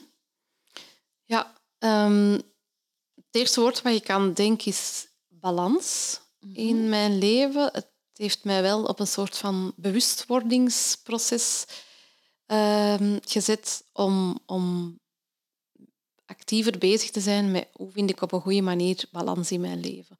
Balans tussen de verschillende rollen dat ik heb. Ehm, in mijn werk, voor de kinderen, als partner, voor de ouders. Um, en, en uzelf daar ook nog een plaats in geven. En en ik ben daar dan misschien door vervoegde menopauze wat vroeger mee bezig dan, dan de gemiddelde vrouw. Um, maar ik denk dat dat mij wel een soort kracht geeft om, om ja, de volgende fase van mijn leven uh, goed door te maken. Um, maar ook ten tweede, ja, veel mensen lopen vol, barstensvol goede intenties van wat ze anders willen aanpakken in hun leven. En ik wil meer bewegen en ik wil afvallen en ik wil... En, en ja, zo heel dat verhaal van die menopauze en alles wat erbij komt over hoe belangrijk dat is om zorg te dragen voor je lichaam, voor je gezondheid, dat gaf mij de why. Hè, zo. Dat geeft een soort van interne motivatie. Intrinsieke motivatie om, om je, je leefstijl en je gezonde gewoontes echt wel serieus te maken. Um, en dat heeft geleid tot heel wat kleine veranderingen. Het is niet dat mijn leven drastisch veranderd is, maar toch wel heel wat kleine veranderingen die, een verschil maken. Bijvoorbeeld, ik zal nu, mijn, mijn lunch gaat bijna altijd gepaard met iets van, van groenten. Um, en ik maak daar wel tijd voor. Uh, soms zijn dat gewoon restjes van de avond ervoor, omdat wij nu meer groenten kopen voor onze mhm. avondmaaltijden. Dus vaak zijn er restjes en dan neem ik die mee. En heel vaak, ja, ze kennen mij van de slaatjes, dus ik heb ook vaak een slaatje bij. Dus groene groenten um, en ook de knolgroenten, de broccoli's en zo, die zijn super gezond in deze fase, super goed voor u.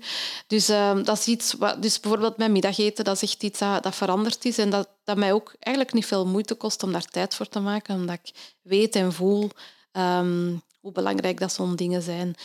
Um, en dan vooral, het laatste dat ik nog wil zeggen, is zo... Wat ook blijkt uit onderzoek, als je erdoor kan gaan en uh, met een soort van aanvaarden van ik weet dat een fase is waar er wat lastigheden bij kunnen komen. Mhm. En ik kan dat doormaken met dat ik die symptomen accepteer. Ik accepteer dat ik in deze fase vermoeider ben. Ik accepteer dat ik spierpijn heb, dus dat ik meer moet bewegen. Dat ik misschien een ander soort lichaamsbeweging moet gaan, uh, gaan ontdekken die helpt. Um, en dat accepteren zonder oordeel over jezelf. Zonder de connotatie met woorden als oh, dan ben ik zwak, dan ben ik oud, dan ben ik saai. Nee, het is gewoon, het is gewoon anders en met meer balans en met een andere soort energie en met een soort van wijsheid en anders in relatie staan. En ehm, op die manier kan dat ook veel schone dingen met zich meebrengen. Ja, absoluut. Balans um, heb ik vooral onthouden. En het kan ook heel veel mooie dingen met zich meebrengen. Zeg, Lisbeth, ik wil eigenlijk heel graag nog naar één iemand bellen. Eén laatste iemand. Een vrouw die heel recent alle media gehaald heeft met haar eigen menopauzeverhaal. Ge geef me een gsm een keer snel.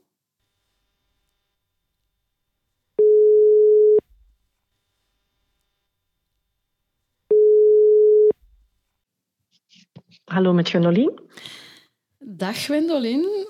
Eerst en vooral heel erg bedankt dat we jou mochten opbellen. Want, ja, graag eh, gedaan. u, u bent een druk bezet persoon, dus dankjewel om even voor ons tijd te willen maken. Ja, en, geen probleem. Ja, want u, u, u, bent niet alleen een druk bezette dame, maar ook een bekende dame in het politieke en het medialandschap. Maar recent haalde je zowat alle media met heel ander nieuws. Hè? Met mhm. of, of door de menopauze, of beter gezegd dan de perimenopauze. Jouw perimenopauze. Hè? u deed uw verhaal hieromtrent in een aantal kranten en op de radio en zo. En u zei daar dat wanneer jouw gynaecoloog tegen jou zei dat je in de meno, allez, perimenopauze dan hè, opnieuw zat, um, je eigenlijk opgelucht voelde en je zelfs moest huilen van ontlading. Hoe, kwam dat? Wat, wat maakte dat je je zo opgelucht voelde op dat moment als je dat hoorde? Oh ja, ik had ook nog nooit ehm, van dat woord gehoord, hè, perimenopauze. En mhm. ik was ook helemaal niet um, naar, naar de gynaecoloog gegaan met, met, met de idee dat, um, dat ik in de menopauze zou zijn. Laat staan, ja, perimenopauze, dat kende ik helemaal niet. En menopauze was voor mij nog niet uh, aan de orde, want men had wel al eerder bloed getrokken en dat dan uitgesloten. ik was vooral gegaan omdat ik hoopte dat er iemand met meer kennis van zaken van het vrouwelijk lichaam eens wou luisteren naar wat mijn klachten waren. Want dat was mijn verhaal. Mm gedurende een jaar ongeveer, ik denk dat het iets meer dan een jaar geleden uh, begonnen is, had ik om de haverklap eigenlijk wel uh, een andere klacht. Geen gynaecologische klachten, maar wel ehm, ja, een drukkend gevoel op mijn borst, alsof ik hartproblemen had. En daar ben ik dan mee naar de cardioloog gegaan, maar dat bleek helemaal niks aan de hand. Um, enfin, het bleken de spieren te zijn van mijn, van mijn ribbenkast en, en niet mijn hart, gelukkig maar. Mm ik, ineens had ik haaruitval. Um, wat, wat, wat, wat, wat, gewoon heel erg vervelend is en, en waar je dan toch wel zorgen om maakt. Uh, en, en, laten we zeggen dat ik elke, uh, ja, er zat geen echte regelmaat in, maar zo om de twee, drie maanden een nieuwe kwaal had terwijl ik de, de, de 47 jaar ervoor ja, had kunnen vertrouwen op mijn eigen lichaam, wist wat ik eraan had en eigenlijk zelden of nooit bij de dokter was geweest. Dus ik voelde heel goed aan het voorbije jaar dat er iets mis was. Dat ik, het leek wel alsof het mijn eigen lichaam niet meer was, alsof ik daar ook niet meer op kon vertrouwen. En ik begon op de duur wel echt te denken van misschien zit dit tussen mijn oren, misschien ligt dit aan mij, ben ik misschien gek aan het worden. Um, en daarom was die ontlading ook zo groot toen, toen eh, de dokter zei van kijk, dit is de perimenopauze in de volksmond. Je zit in de overgang, je bent nog niet in de menopauze, maar je bent er maar op weg. En hier kunnen we ook iets aan doen. En mhm. vooral ook die laatste boodschap, enerzijds de diagnose, anderzijds ook um, de mededeling dat ik geholpen zou kunnen worden. Ja, dat was een enorme ontlading. En ja, ik heb het geschreven in het opiniestuk. Ik zat s morgens vroeg in de auto, ik was terug buiten. Consultatie was achter de rug en ja, daar kwamen de tranen. Echt, echt. Uh, ik ben niet echt een huilenbalk. dat, dat, dat, dat, dat ligt normaal niet in mijn aard, maar ik denk dat het vooral ja, die hele grote ontlading was op dat moment. Ja. ja, dat snap ik. Ik kom ook eventjes uh, erbij. Ik ben Liesbeth en ik maak deze podcastreeks mhm. samen met Vanessa over de menopauze. Uh, Vanessa zei er juist, ik ben menopauze-specialist. Nu, ik ben in eerste plaats psycholoog. En daarnaast mhm. was ik uh, sinds vier jaar geleden ook plots ervaringsdeskundige in de menopauze. En bij mij kwam dat um, in een heel vroege fase. ik was toen 39 jaar, als ik ook, net zoals u, bij de gynaecoloog zat om andere redenen, dacht ik. Mhm. En dan ook geconfronteerd werd met die boodschap van ah, maar je zit uh, op weg naar de menopauze. Dus uh, voor mij kwam dat toen ook zoals een, een uh, donder bij heldere hemel. Um, en ik weet toen ook dat een van de eerste vragen nadien, na dat consult die in mij opkwamen, was van oké, als dit nu de diagnose is... Nu, trouwens, diagnose vind ik altijd zo'n raar woord, alsof het een ziekte is die vastgesteld is, terwijl het eigenlijk om een heel natuurlijke levensfase gaat, maar dus wel een levensfase waarin dat je ja, als vrouw toch wel wat in je kwetsbaarheid wordt gezet. Hè. Zowel lichamelijk als, als psychisch. Hè. Je zei daar juist ook van... Ja, soms denk je wel dat je gek aan het worden bent, maar dat is vooral omdat je een heel aantal klachten niet kan plaatsen. Hè. Maar dus bij mij was ook een van de vragen die opkwam van... Nu weet ik dit, maar vertel je dat aan mensen? Tegen wie vertel je dat? Wordt daarover gepraat? Uh, ik wist dat eigenlijk niet. Ik veronderstel dat je zoiets meteen met je partner deelt, maar ook daar komt wel wat onzekerheid naar boven van... Ja, wat doet dat dan met je relatie?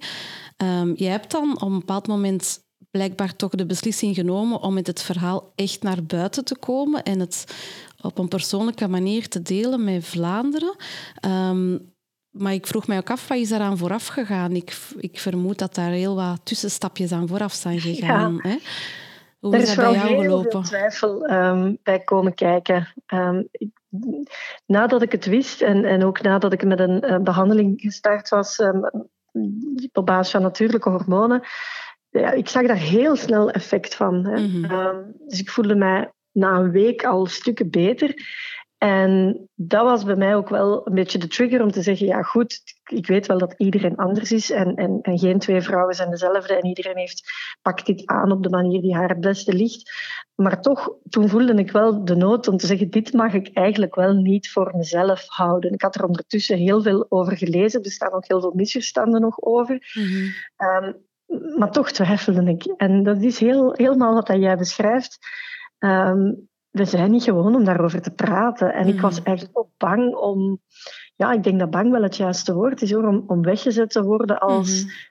Een vrouw die, die complimenten maakt of zich aanstelt. Want ja, dit is toch de natuur en alle vrouwen moeten hier door. En waarom wil ze weer aandacht zoeken? Of een beetje in die mm-hmm. Ehm, mm-hmm. zin dacht ik van ja, moet ik me dat ook nog op de hals halen na, naast alles wat je toch in de politiek al over je heen krijgt.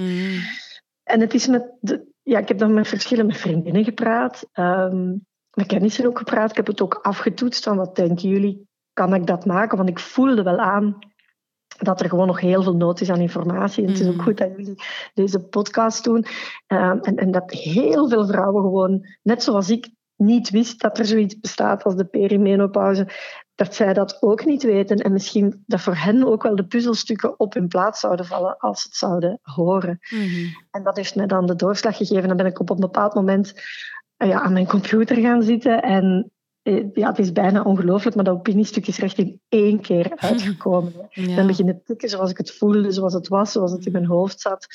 Ehm, en ik vond het ook wel belangrijk dat ik het op die manier heb kunnen doen, want nu kan ik er echt heel vlot over praten. Mhm. Maar de eerste keer dat ik geïnterviewd werd na het stuk, was ik gewoon ongelooflijk zenuwachtig.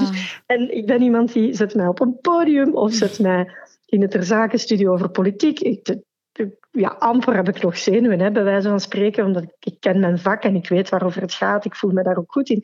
Maar over mezelf praten, Oeh, dat is iets heel anders. Ja. Ja, ja, ja. Maar goed, ondertussen gaat dat al heel vlot, omdat ik vooral ook wil dat er iets verandert, dat het beleid, hè, samen met een aantal andere vrouwelijke politici, uh, Karin Brouwers, maar ook mm. anderen die er aan het werken zijn, zou ook heel graag willen dat, dat, dat we het beleid kunnen wakker schudden, mm-hmm. uh, dat we werkgevers kunnen wakker schudden, dat we um, kunnen aantonen dat er meer wetenschappelijk onderzoek nodig is en, en ja, dat dit niet iets is wat vrouwen in stilte of leidzaam moeten ondergaan en waar ze maar van moeten denken, goh ja, dit, dit hoort er nu maar bij, ik zal mijn kruis wel dragen. Dat, mhm. dat, heb ik toch wel gemerkt, dat, dat, dat er heel veel vrouwen ehm, zich herkenden in, in ons verhaal, zeg maar. Want ja, het is duidelijk ook het jouwe. Hè? Ja, eens dat je erover begint, stromen de verhalen naar u toe, bij wijze van spreken. Hè? Mhm. Ja. Mhm.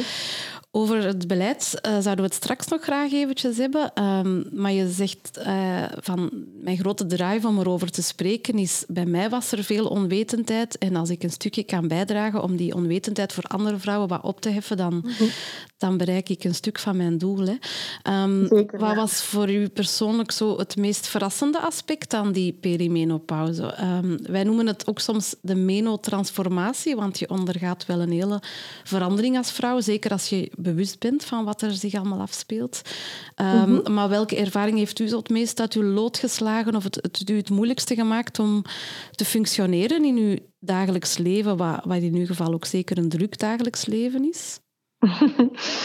Goh, het is, het is moeilijk om te zeggen, omdat niet alle symptomen ook te samenkwamen. Dus we spreken nu over een periode van, van een jaar. Mhm. En ehm, er waren dingen die kwamen en dan weer gingen en ging het weer beter. En, en, daarna was het weer moeilijker. En dat is blijkbaar ook typisch voor die hormonenschommelingen. Dat je op sommige momenten zelfs het gevoel hebt van de wereld aan te kunnen. En op andere momenten kan er dan helemaal niks meer. Ehm, maar een link die ik zelf nooit zou gelegd hebben, was de link met. Um, dus ik had redelijk wat last van spierontstekingen en peesontstekingen en mhm. gewrichtsontstekingen. Mm ja, ik ben natuurlijk ook niet medisch geschoold, maar dat dat rechtstreeks verbonden was met, met mijn hormonenproductie, dat wist ik helemaal niet. Hè. En dat doet, ook, dat doet ook pijn, dat is een soort knagende pijn. Ja men zegt dan van ja, daar kan je niks aan doen, je moet het laten rusten. Ik kan af en toe uh, een pijnstiller pakken of een ontstekingsremmer nemen, maar eigenlijk ja, moet dat van zichzelf genezen. Ja, en dat is zo'n boodschap waar je ook geen kant mee uit kunt. Mm. Ehm, ik werd op een ochtend wakker en ik had pijn in mijn vinger en de volgende dag had ik gewoon was mijn vinger gewoon in een worstje veranderd. Hè. Ik kan het niet anders beschrijven. Mijn vinger was dubbel zo dik. Ik kon die niet meer plooien. Dat was heel onaangenaam. Ehm, het was aan mijn linkerhand, gelukkig. Ik ben rechtshandig, maar toch heel oncomfortabel. En dat bleek dan een peesontsteking te zijn, een peesschachtontsteking te zijn. Ja.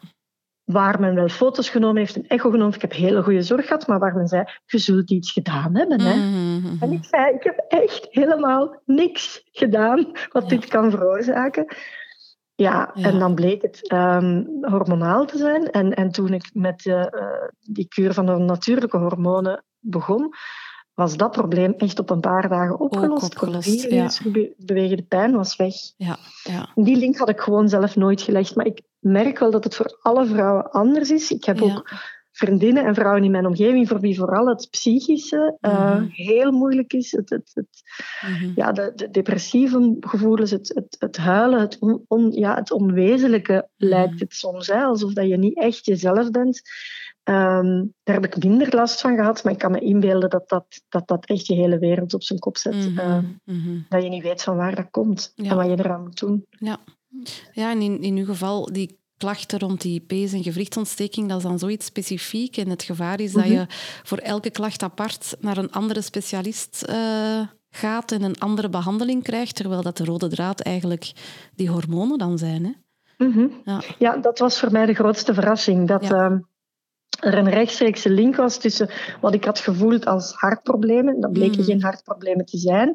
Gelukkig ook naar een goede cardioloog kunnen gaan. Uh, en dan die, die, die, die spierpijnen. Ja, ja ik, ik, ik ben heel blij, echt waar, want men heeft mij goed geholpen en, men, en, en we hebben ongelooflijk goede zorg in ons land. Mm -hmm. Maar dat totaalplaatje, dat heeft wel lang geduurd voordat die puzzelstukken in elkaar vielen. En dan was het uiteindelijk een gynaecoloog die het moest doen, terwijl van het hele klachtenlijstje er helemaal geen gynaecologische klachten waren, in mijn geval. Ja, ja. Ehm, dat maakt het ook moeilijk, denk ik. En daarom vind ik het zo belangrijk uh, dat, dat, dat ook mensen in de eerste lijn mhm. gezondheidszorg op alle mogelijke uh, posten, dat mhm. zij ook weten dat vrouwen dit van, soms vanaf hun veertigste, je zei zelf 39, mhm. ja, dat is een leeftijd waarop je bij alles bezig bent, maar niet met de menopauze. Nee, absoluut. Ja. Ik toch niet. Ja. Zelfs niet op mijn 47ste ja. dacht ik nog van, dat is nog wat vroeg. Uh, ja. Ja. En blijkt het toch zo te zijn. Hè? Ja, en in het beste geval kent de eerste lijn de typische klachten die bij menopauze horen en kunnen ze die wel plaatsen, maar er zijn er ook nog heel wat atypische klachten, zoals die dat u beschrijft. En dat maakt het dan moeilijk hè, om de, de puzzelstukjes samen te leggen. Ja. ja. wat ik ook heel confronterend vond, was... Um, Kijk, als vrouw weet je natuurlijk, je, je maakt verschillende fases door. Je wordt, je, als meisje ga je de puberteit in, je lichaam verandert goed, dat maken jongens ook wel mee. Maar dan krijg je kinderen. Dat is ook, heeft ook een hele grote impact. als je daarvoor kiest en, en, en, het geluk hebt om ze te krijgen, dan moet je die, ja, je gezin gecombineerd krijgen met je werk. Hè. Ehm, ook niet allemaal eenvoudig. En eens de 40 voorbij kom je op een punt waar je zegt: Mijn kinderen zijn redelijk zelfstandig, kunnen zichzelf redden. Mijn ouders hebben misschien, als je het geluk hebt, nog geen zorg nodig. Ik sta eigenlijk op het toppunt van mijn kunnen. Dit is het moment waarop ik volop wil, wil, wil mijn ervaring gebruiken, inzetten, ook, ook maatschappelijk, niet alleen professioneel. En juist op dat moment ja, laat je lichaam je dan eigenlijk opnieuw in de steek, zonder dat we dat maatschappelijk weten en daarover praten. Ja. En dat is gewoon zonde. En ik, ik heb ondertussen zoveel studies gelezen ook over wat dit betekent op uh, in de, de arbeidsmarkt. Vrouwen die die wegblijven, eh, absenteïsme op het werk, die denken ik ga een beetje minder werken, ik zal wel, ik zal wel een beetje terugschroeven, terwijl ze eigenlijk, als je gaat kijken naar hun competenties, naar wat ze kunnen en wat ze waard zijn, op het toppunt zijn. Hè. En gewoon omdat er zoveel onbegrip is en zoveel onwetendheid is en, en heel vaak niet de juiste diagnose, is, is misschien een fout woord, maar de juiste vaststelling gedaan wordt, ja, zetten die vrouwen zich naar achter. En dat is misschien typisch vrouwelijk, terwijl we met z'n allen zouden moeten zeggen, kijk eens, als mannen dit zouden meemaken, dan was dit ongetwijfeld prioriteit nummer één. Dan gingen er daar middelen naartoe, dan gebeurde er onderzoek tot er oplossingen waren. En wij denken, we moeten dit ondergaan. We moeten het maar verdragen, mm. ja. En, en die onwetendheid leidt dan tot soms jammere keuzes. Hè. Terwijl als je wat beter begrijpt wat er gaande is en beseft mhm. dat het behandelbaar is, dan, dan, dan kan het tot heel andere keuzes leiden. Hè. Dan heb je op zijn minst, ik vind dat wel belangrijk, want ik heb ook respect voor vrouwen die zeggen, kijk, ik, ik ga me hieraan aanpassen. En voor heel veel vrouwen uh, is een, een andere manier om te gaan leven vaak al een stap in de goede richting. Maar we moeten wel goed geïnformeerd worden. En de mogelijkheden die er wel zijn, ja, die moet je wel aangereikt krijgen. Hè. Dan gaat het vaak al een pak beter. En, en die onwetendheid daar, die vind, dat vind ik wel belangrijk dat die wordt weggewerkt. En vaak is het soms met kleine dingen al een wereld van verschil. Hè. Um, ja, eh, om het dan maar eens terug over de typische vapeur te hebben, bijvoorbeeld. Er kan ook gewoon wat begrip voor bestaan. Ik mhm. bedoel, dat is een heel onaangenaam moment. Zit maar eens, eh, bij wijze van spreken, sta maar eens voor de klas als je mhm. aan het lesgeven bent en je mhm. krijgt ineens een vapeur. Of dat je nu in een raad van bestuur zit en plots je punt komt voor en je moet dat uitleggen. Oké, dat is een heel vervelende momentopname, maar doet geen enkele afbreuk aan je competentie als leerkracht of als bestuurder. Ik geef maar twee voorbeelden. Ja. Het is gewoon een momentopname die heel ongemakkelijk is. Ja, daar is dan ook wel ja, eenvoudig rekening mee te houden, denk ik dan. Als we het gewoon zouden weten. Ja, ja. Want als we daar bovenop nu gaat men ervan uit, dat is ja. oei, oei, oei, die is precies niet in orde. En het gevolg is dat die vrouwen gaan zeggen, ja, ik zal dan maar niet meer gaan werken of ik zal maar opletten dat ik niet meer in zo'n situatie terechtkomt. Hoe jammer is dat? Ja. Want de bijkomende stress vanuit het gevoel van dit mag niet zichtbaar zijn, anderen mogen het niet merken, maken het net nog eens erger. Dus uh, je zit dan soms in een vicieuze cirkel vast. Hè? Ja. Absoluut. En dat is, dat is, gewoon super jammer. Dus ik hoop echt dat we dat, uh, ja, dat we dat een beetje normaal gaan vinden en weten dat het erbij hoort. Want we worden gelukkig gemiddeld ondertussen 82, 83 jaar. Ja, dat wil zeggen dat dit gewoon een volledige, volwaardige fase in ons leven is. Hè? Van, van, van ergens halverwege de 40. Ja, dat is bijna de helft. Hm. En als je, als je dan moet zeggen, ja, dit, dit cijfer ik maar weg of, of um, ik zal dit maar in stilte dragen, dan denk ik dat we vrouwen gewoon onrecht aandoen. Ja. Gwendoline, wat zou jouw advies nu na, na jouw eigen ervaringen zijn aan alle vrouwelijke, brut eerlijke luisteraars omtrent menopauze, maar misschien ook aan, aan alle partners, dokters, therapeuten, werkgevers? Wat zou jouw advies zijn? Ja, misschien een van die mannen is wel opvallend, want ik, ik ben echt best wel gecontacteerd door veel um, echtgenoten en mhm. partners, die het ook gewoon heel fijn vonden dat er over gepraat werd. En die zeiden van, het is ook voor ons heel goed om te weten wat er gebeurt. Hè. Dus Absoluut. het is zeker geen zaak van, van vrouwen alleen. Mm wat zou mijn advies zijn? Ja, wat, wat jullie doen, hè? Uh, zorgen dat, dat, dat, dit gewoon, dat we, dat we eigenlijk als samenleving um, onze kinderen opvoeden, erover praten en echt weten dat alle vrouwen in meerdere of in mindere mate hier doorheen moeten. En, en dat je geholpen kan worden. Mhm. Allemaal misschien op een iets andere manier. Maar dit hoef je niet in stilte te dragen. Het is gedaan met de ogen te sluiten. Met te doen alsof dit niet bestaat. En dit een probleem te maken van vrouwen boven de 40. Nee, dit is een maatschappelijke zaak. Dit gaat ons allemaal aan. En als we het oplossen, worden we er ook allemaal beter van. En dat is wat ik hoop eigenlijk. Ja. Ja. Ehm, je had het er uh, daarnet ook al over. Um, Vlaams volksvertegenwoordiger en senator mevrouw Brouwers, die wil graag een menopausebeleid uitstippelen. Ze heeft hier op politiek vlak ook al een aantal stappen in ondernomen. Hè. Wat vindt u mhm. daarvan? Wat, wat dient er volgens jou zeker in dat menopausebeleid te komen?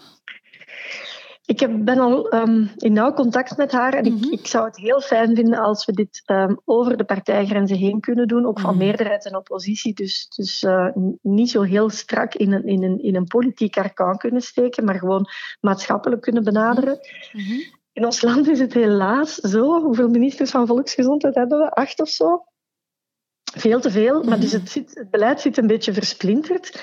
Um, dat wil zeggen dat mevrouw Kervit het um, voor Vlaanderen het preventieve beleid um, mee kan vormgeven en ze staat daar ook voor open. Ik heb haar al in het parlement daarover ondervraagd. Er is ook binnenkort een vergadering met haar kabinetsmedewerkers. We plannen samen ook een resolutie. Dus zij kan echt zorgen voor meer en betere informatie en mhm. preventie. Daarnaast heb je dan uh, minister Frank van den Broeke, die uh, zeg maar voor het curatieve deel uh, instaat. Ehm, dus hij heeft ook een hele grote verantwoordelijkheid om de hele medische sector mee te krijgen, mhm. om ook de misverstanden rond natuurlijke hormonen mee weg te werken en te zorgen dat dat breder ingang vindt. Maar het gaat eigenlijk nog veel ruimer. Hè. Het gaat ook over de arbeidsmarkt, um, waar, waar, waar we zien dat, dat er heel veel um, vanaf een een bepaalde leeftijd absenteïsme is, terwijl je of burn-out zijn, mhm. terwijl met een goede behandeling die cijfers helemaal kan keren en het leven van vrouwen echt kan veranderen. Dus dan zitten we bij arbeidsmarktbeleid. Het gaat over, over onderwijs en opleidingen waar we moeten zorgen dat, dat, dat dit gewoon veel meer prominent naar voren komt. Het gaat over wetenschapsbeleid, want, want het moet mhm. gedaan zijn met het mannelijk lichaam alleen als norm te nemen. Ik weet wel dat dat langzaam verbetert, maar dat gaat veel te traag. Men moet gewoon vrouwenlichamen als uitgangspunt nemen, voor zeker als het gaat over vrouwelijke problemen. Dus ja, je hoort het me zeggen, mm dit is echt... Dit zit op zoveel vlakken in de samenleving. Ik word er elke dag, als ik ermee bezig ben, verbaas ik me erover en denk ik we zijn toch geen tweederangsburgers of dat. Kan toch niet zijn dat men niet de dingen wil veranderen in ons voordeel. We zijn met heel veel en alle vrouwen maken dit mee. Dus hier is gewoon een, een hele omwenteling nodig op heel veel terreinen. Mhm. U noemt hier inderdaad een aantal domeinen op die allemaal heel belangrijk zijn. Het is misschien een beetje een moeilijke, kort door de bocht vraag, maar toch, als u nu zou moeten zeggen, wat is nu het allerbelangrijkste, het meest dringende van al die zaken? We moeten met iets beginnen. Wat zou dat van die zaken dan zijn? Informatie. Voor mij was het het weten. Was, ik zei het, ik wist mhm. niet eens dat het woord bestond, perimenopauze. Mhm. Ik had wel al van menopauze gehoord, maar niet van die hele aanloopfase daar naartoe. Um, en eigenlijk moet je gewoon als vrouw weten, net zoals je weet dat je op een bepaald moment en leert dat je in de puberteit gaat komen, net zoals je weet dat je lichaam in staat is om kinderen te krijgen en zich aanpast, moet je eigenlijk gewoon weten dat het mogelijk is vanaf een bepaalde leeftijd dat je hormonale stelsel begint te veranderen. En als je dat weet, ga je het zelf sneller herkennen. Als je het mhm. zelf herkent, kan je het melden. Als je het kan melden, kan er ook een oplossing zijn. En ja. dat, daar hoop ik ja, dat we allemaal samen toch wel een verschil kunnen maken. Ja, mhm. absoluut. En ik merk ook, doordat het nu meer in de media komt, ook dankzij u onder andere. Um, mevrouw Brouwer sprak ook over uh, de documentaire die op Canvas was. Um, en, en doordat het meer in de media komt, um, komen de vragen ook sneller bij huisartsen terecht. Huisartsen vertellen mij dat ook. Van, wij krijgen meer en meer vragen van vrouwen daarover. En sommige huisartsen durven ook stilletjes aan toegeven van eigenlijk weten wij ook vaak niet wat de juiste antwoorden zijn. Wij hebben ook nood aan meer kennis daarover. Um, en ja. zelfs de artsen die nu afstuderen, hebben maar een heel beperkt stukje in hun cursus over mm gynaecologie hierover. Mhm. Dus zelfs de recente uh, lading huisartsen, die, uh, die voelden zich vaak uh, te weinig bekwaam om op die vragen te antwoorden. En dat is, dat is jammer, hè, want die eerste lijn dat is een, dat is een, heel belangrijk. Heel belangrijk als een vrouw het al durft vermelden bij de huisarts, dan heeft ze toch wel recht op, op een stukje basisinformatie al, hè, op die plek. Ja, we krijgen ook... Ehm, de overheid heeft er heel veel inspanningen gedaan om ons goed te informeren over baarmoederhalskanker, over borstkanker. Je kan preventieve onderzoeken laten doen vanaf een bepaalde leeftijd. Ik denk dan van, zorg gewoon dat standaard geweten is, hè, dat, dat, dat, wat de symptomen zijn. Het zijn er een dertigtal. Ehm, maar, maar alleen al het besef dat je niet moet zeggen, het is niet één of nul, hè, het is vruchtbaar of niet meer vruchtbaar. Nee, er gaat daar een hele wisselvallige periode aan vooraf dat gaat denk ik al heel veel helpen. En, en u hebt groot gelijk. Ik, ik las ehm, een interview van twee Nederlandse artsen, twee dames die, um, die zelf zeiden hoe is het mogelijk. We, we, we, we, hebben zelf de opleiding gedaan, we staan in het vak. Uh, we dachten dat we dit wisten en we hebben het eerst zelf moeten meemaken voor we beseften wat ja. voor een impact dit heeft. Ja. En dat vond ik een hele mooie en ook moedige getuigenis. Moedig, van, ja. ja, zij zitten in de medische sector, dus um, mm -hmm. Mm -hmm. ja, dat, dat, dat helpt wel, denk ik, als je mm -hmm. dat soort verhalen naar voren kan brengen. Ja, absoluut. Mevrouw Rutte, Gwendolyn, heel erg bedankt voor uw tijd en om jouw verhaal met ons allemaal te delen. En we duimen dat we met z'n allen inderdaad kunnen samenwerken, elkaar kunnen informeren, inspireren en dat het menopausebeleid er heel snel mag komen. Ja, ik ga er in elk geval... Uh, ik laat het niet meer los. Oké, okay, dankjewel daarvoor. Wij ook niet. Goed, dankjewel. Dankjewel. Dank u. Dag. Dag. Oh, ook weer een uh, heel waardevol verhaal. Hè? Ik ben eigenlijk heel dankbaar voor al die mensen die ook deze aflevering weer ons al hun verhalen hebben toevertrouwd. Dankjewel Marieke van Menokracht. Dankjewel mevrouw Karin Brouwers. Dankjewel mevrouw Gwendolyn Rutte. En jij ook, Lisbeth. Een hele, hele dikke dankjewel, omdat ook jij jouw eigen verhaal met ons gedeeld hebt, maar daarnaast ook al jouw kennis over menopauze en alles eromheen. En om mij bovendien een hele maand mee op route te nemen. En mij vooral ook heel veel te leren over menopauze. Dankjewel. Super graag gedaan, dankjewel. Je luisterde naar Bruut Eerlijk. In de volgende aflevering nog veel meer hierover.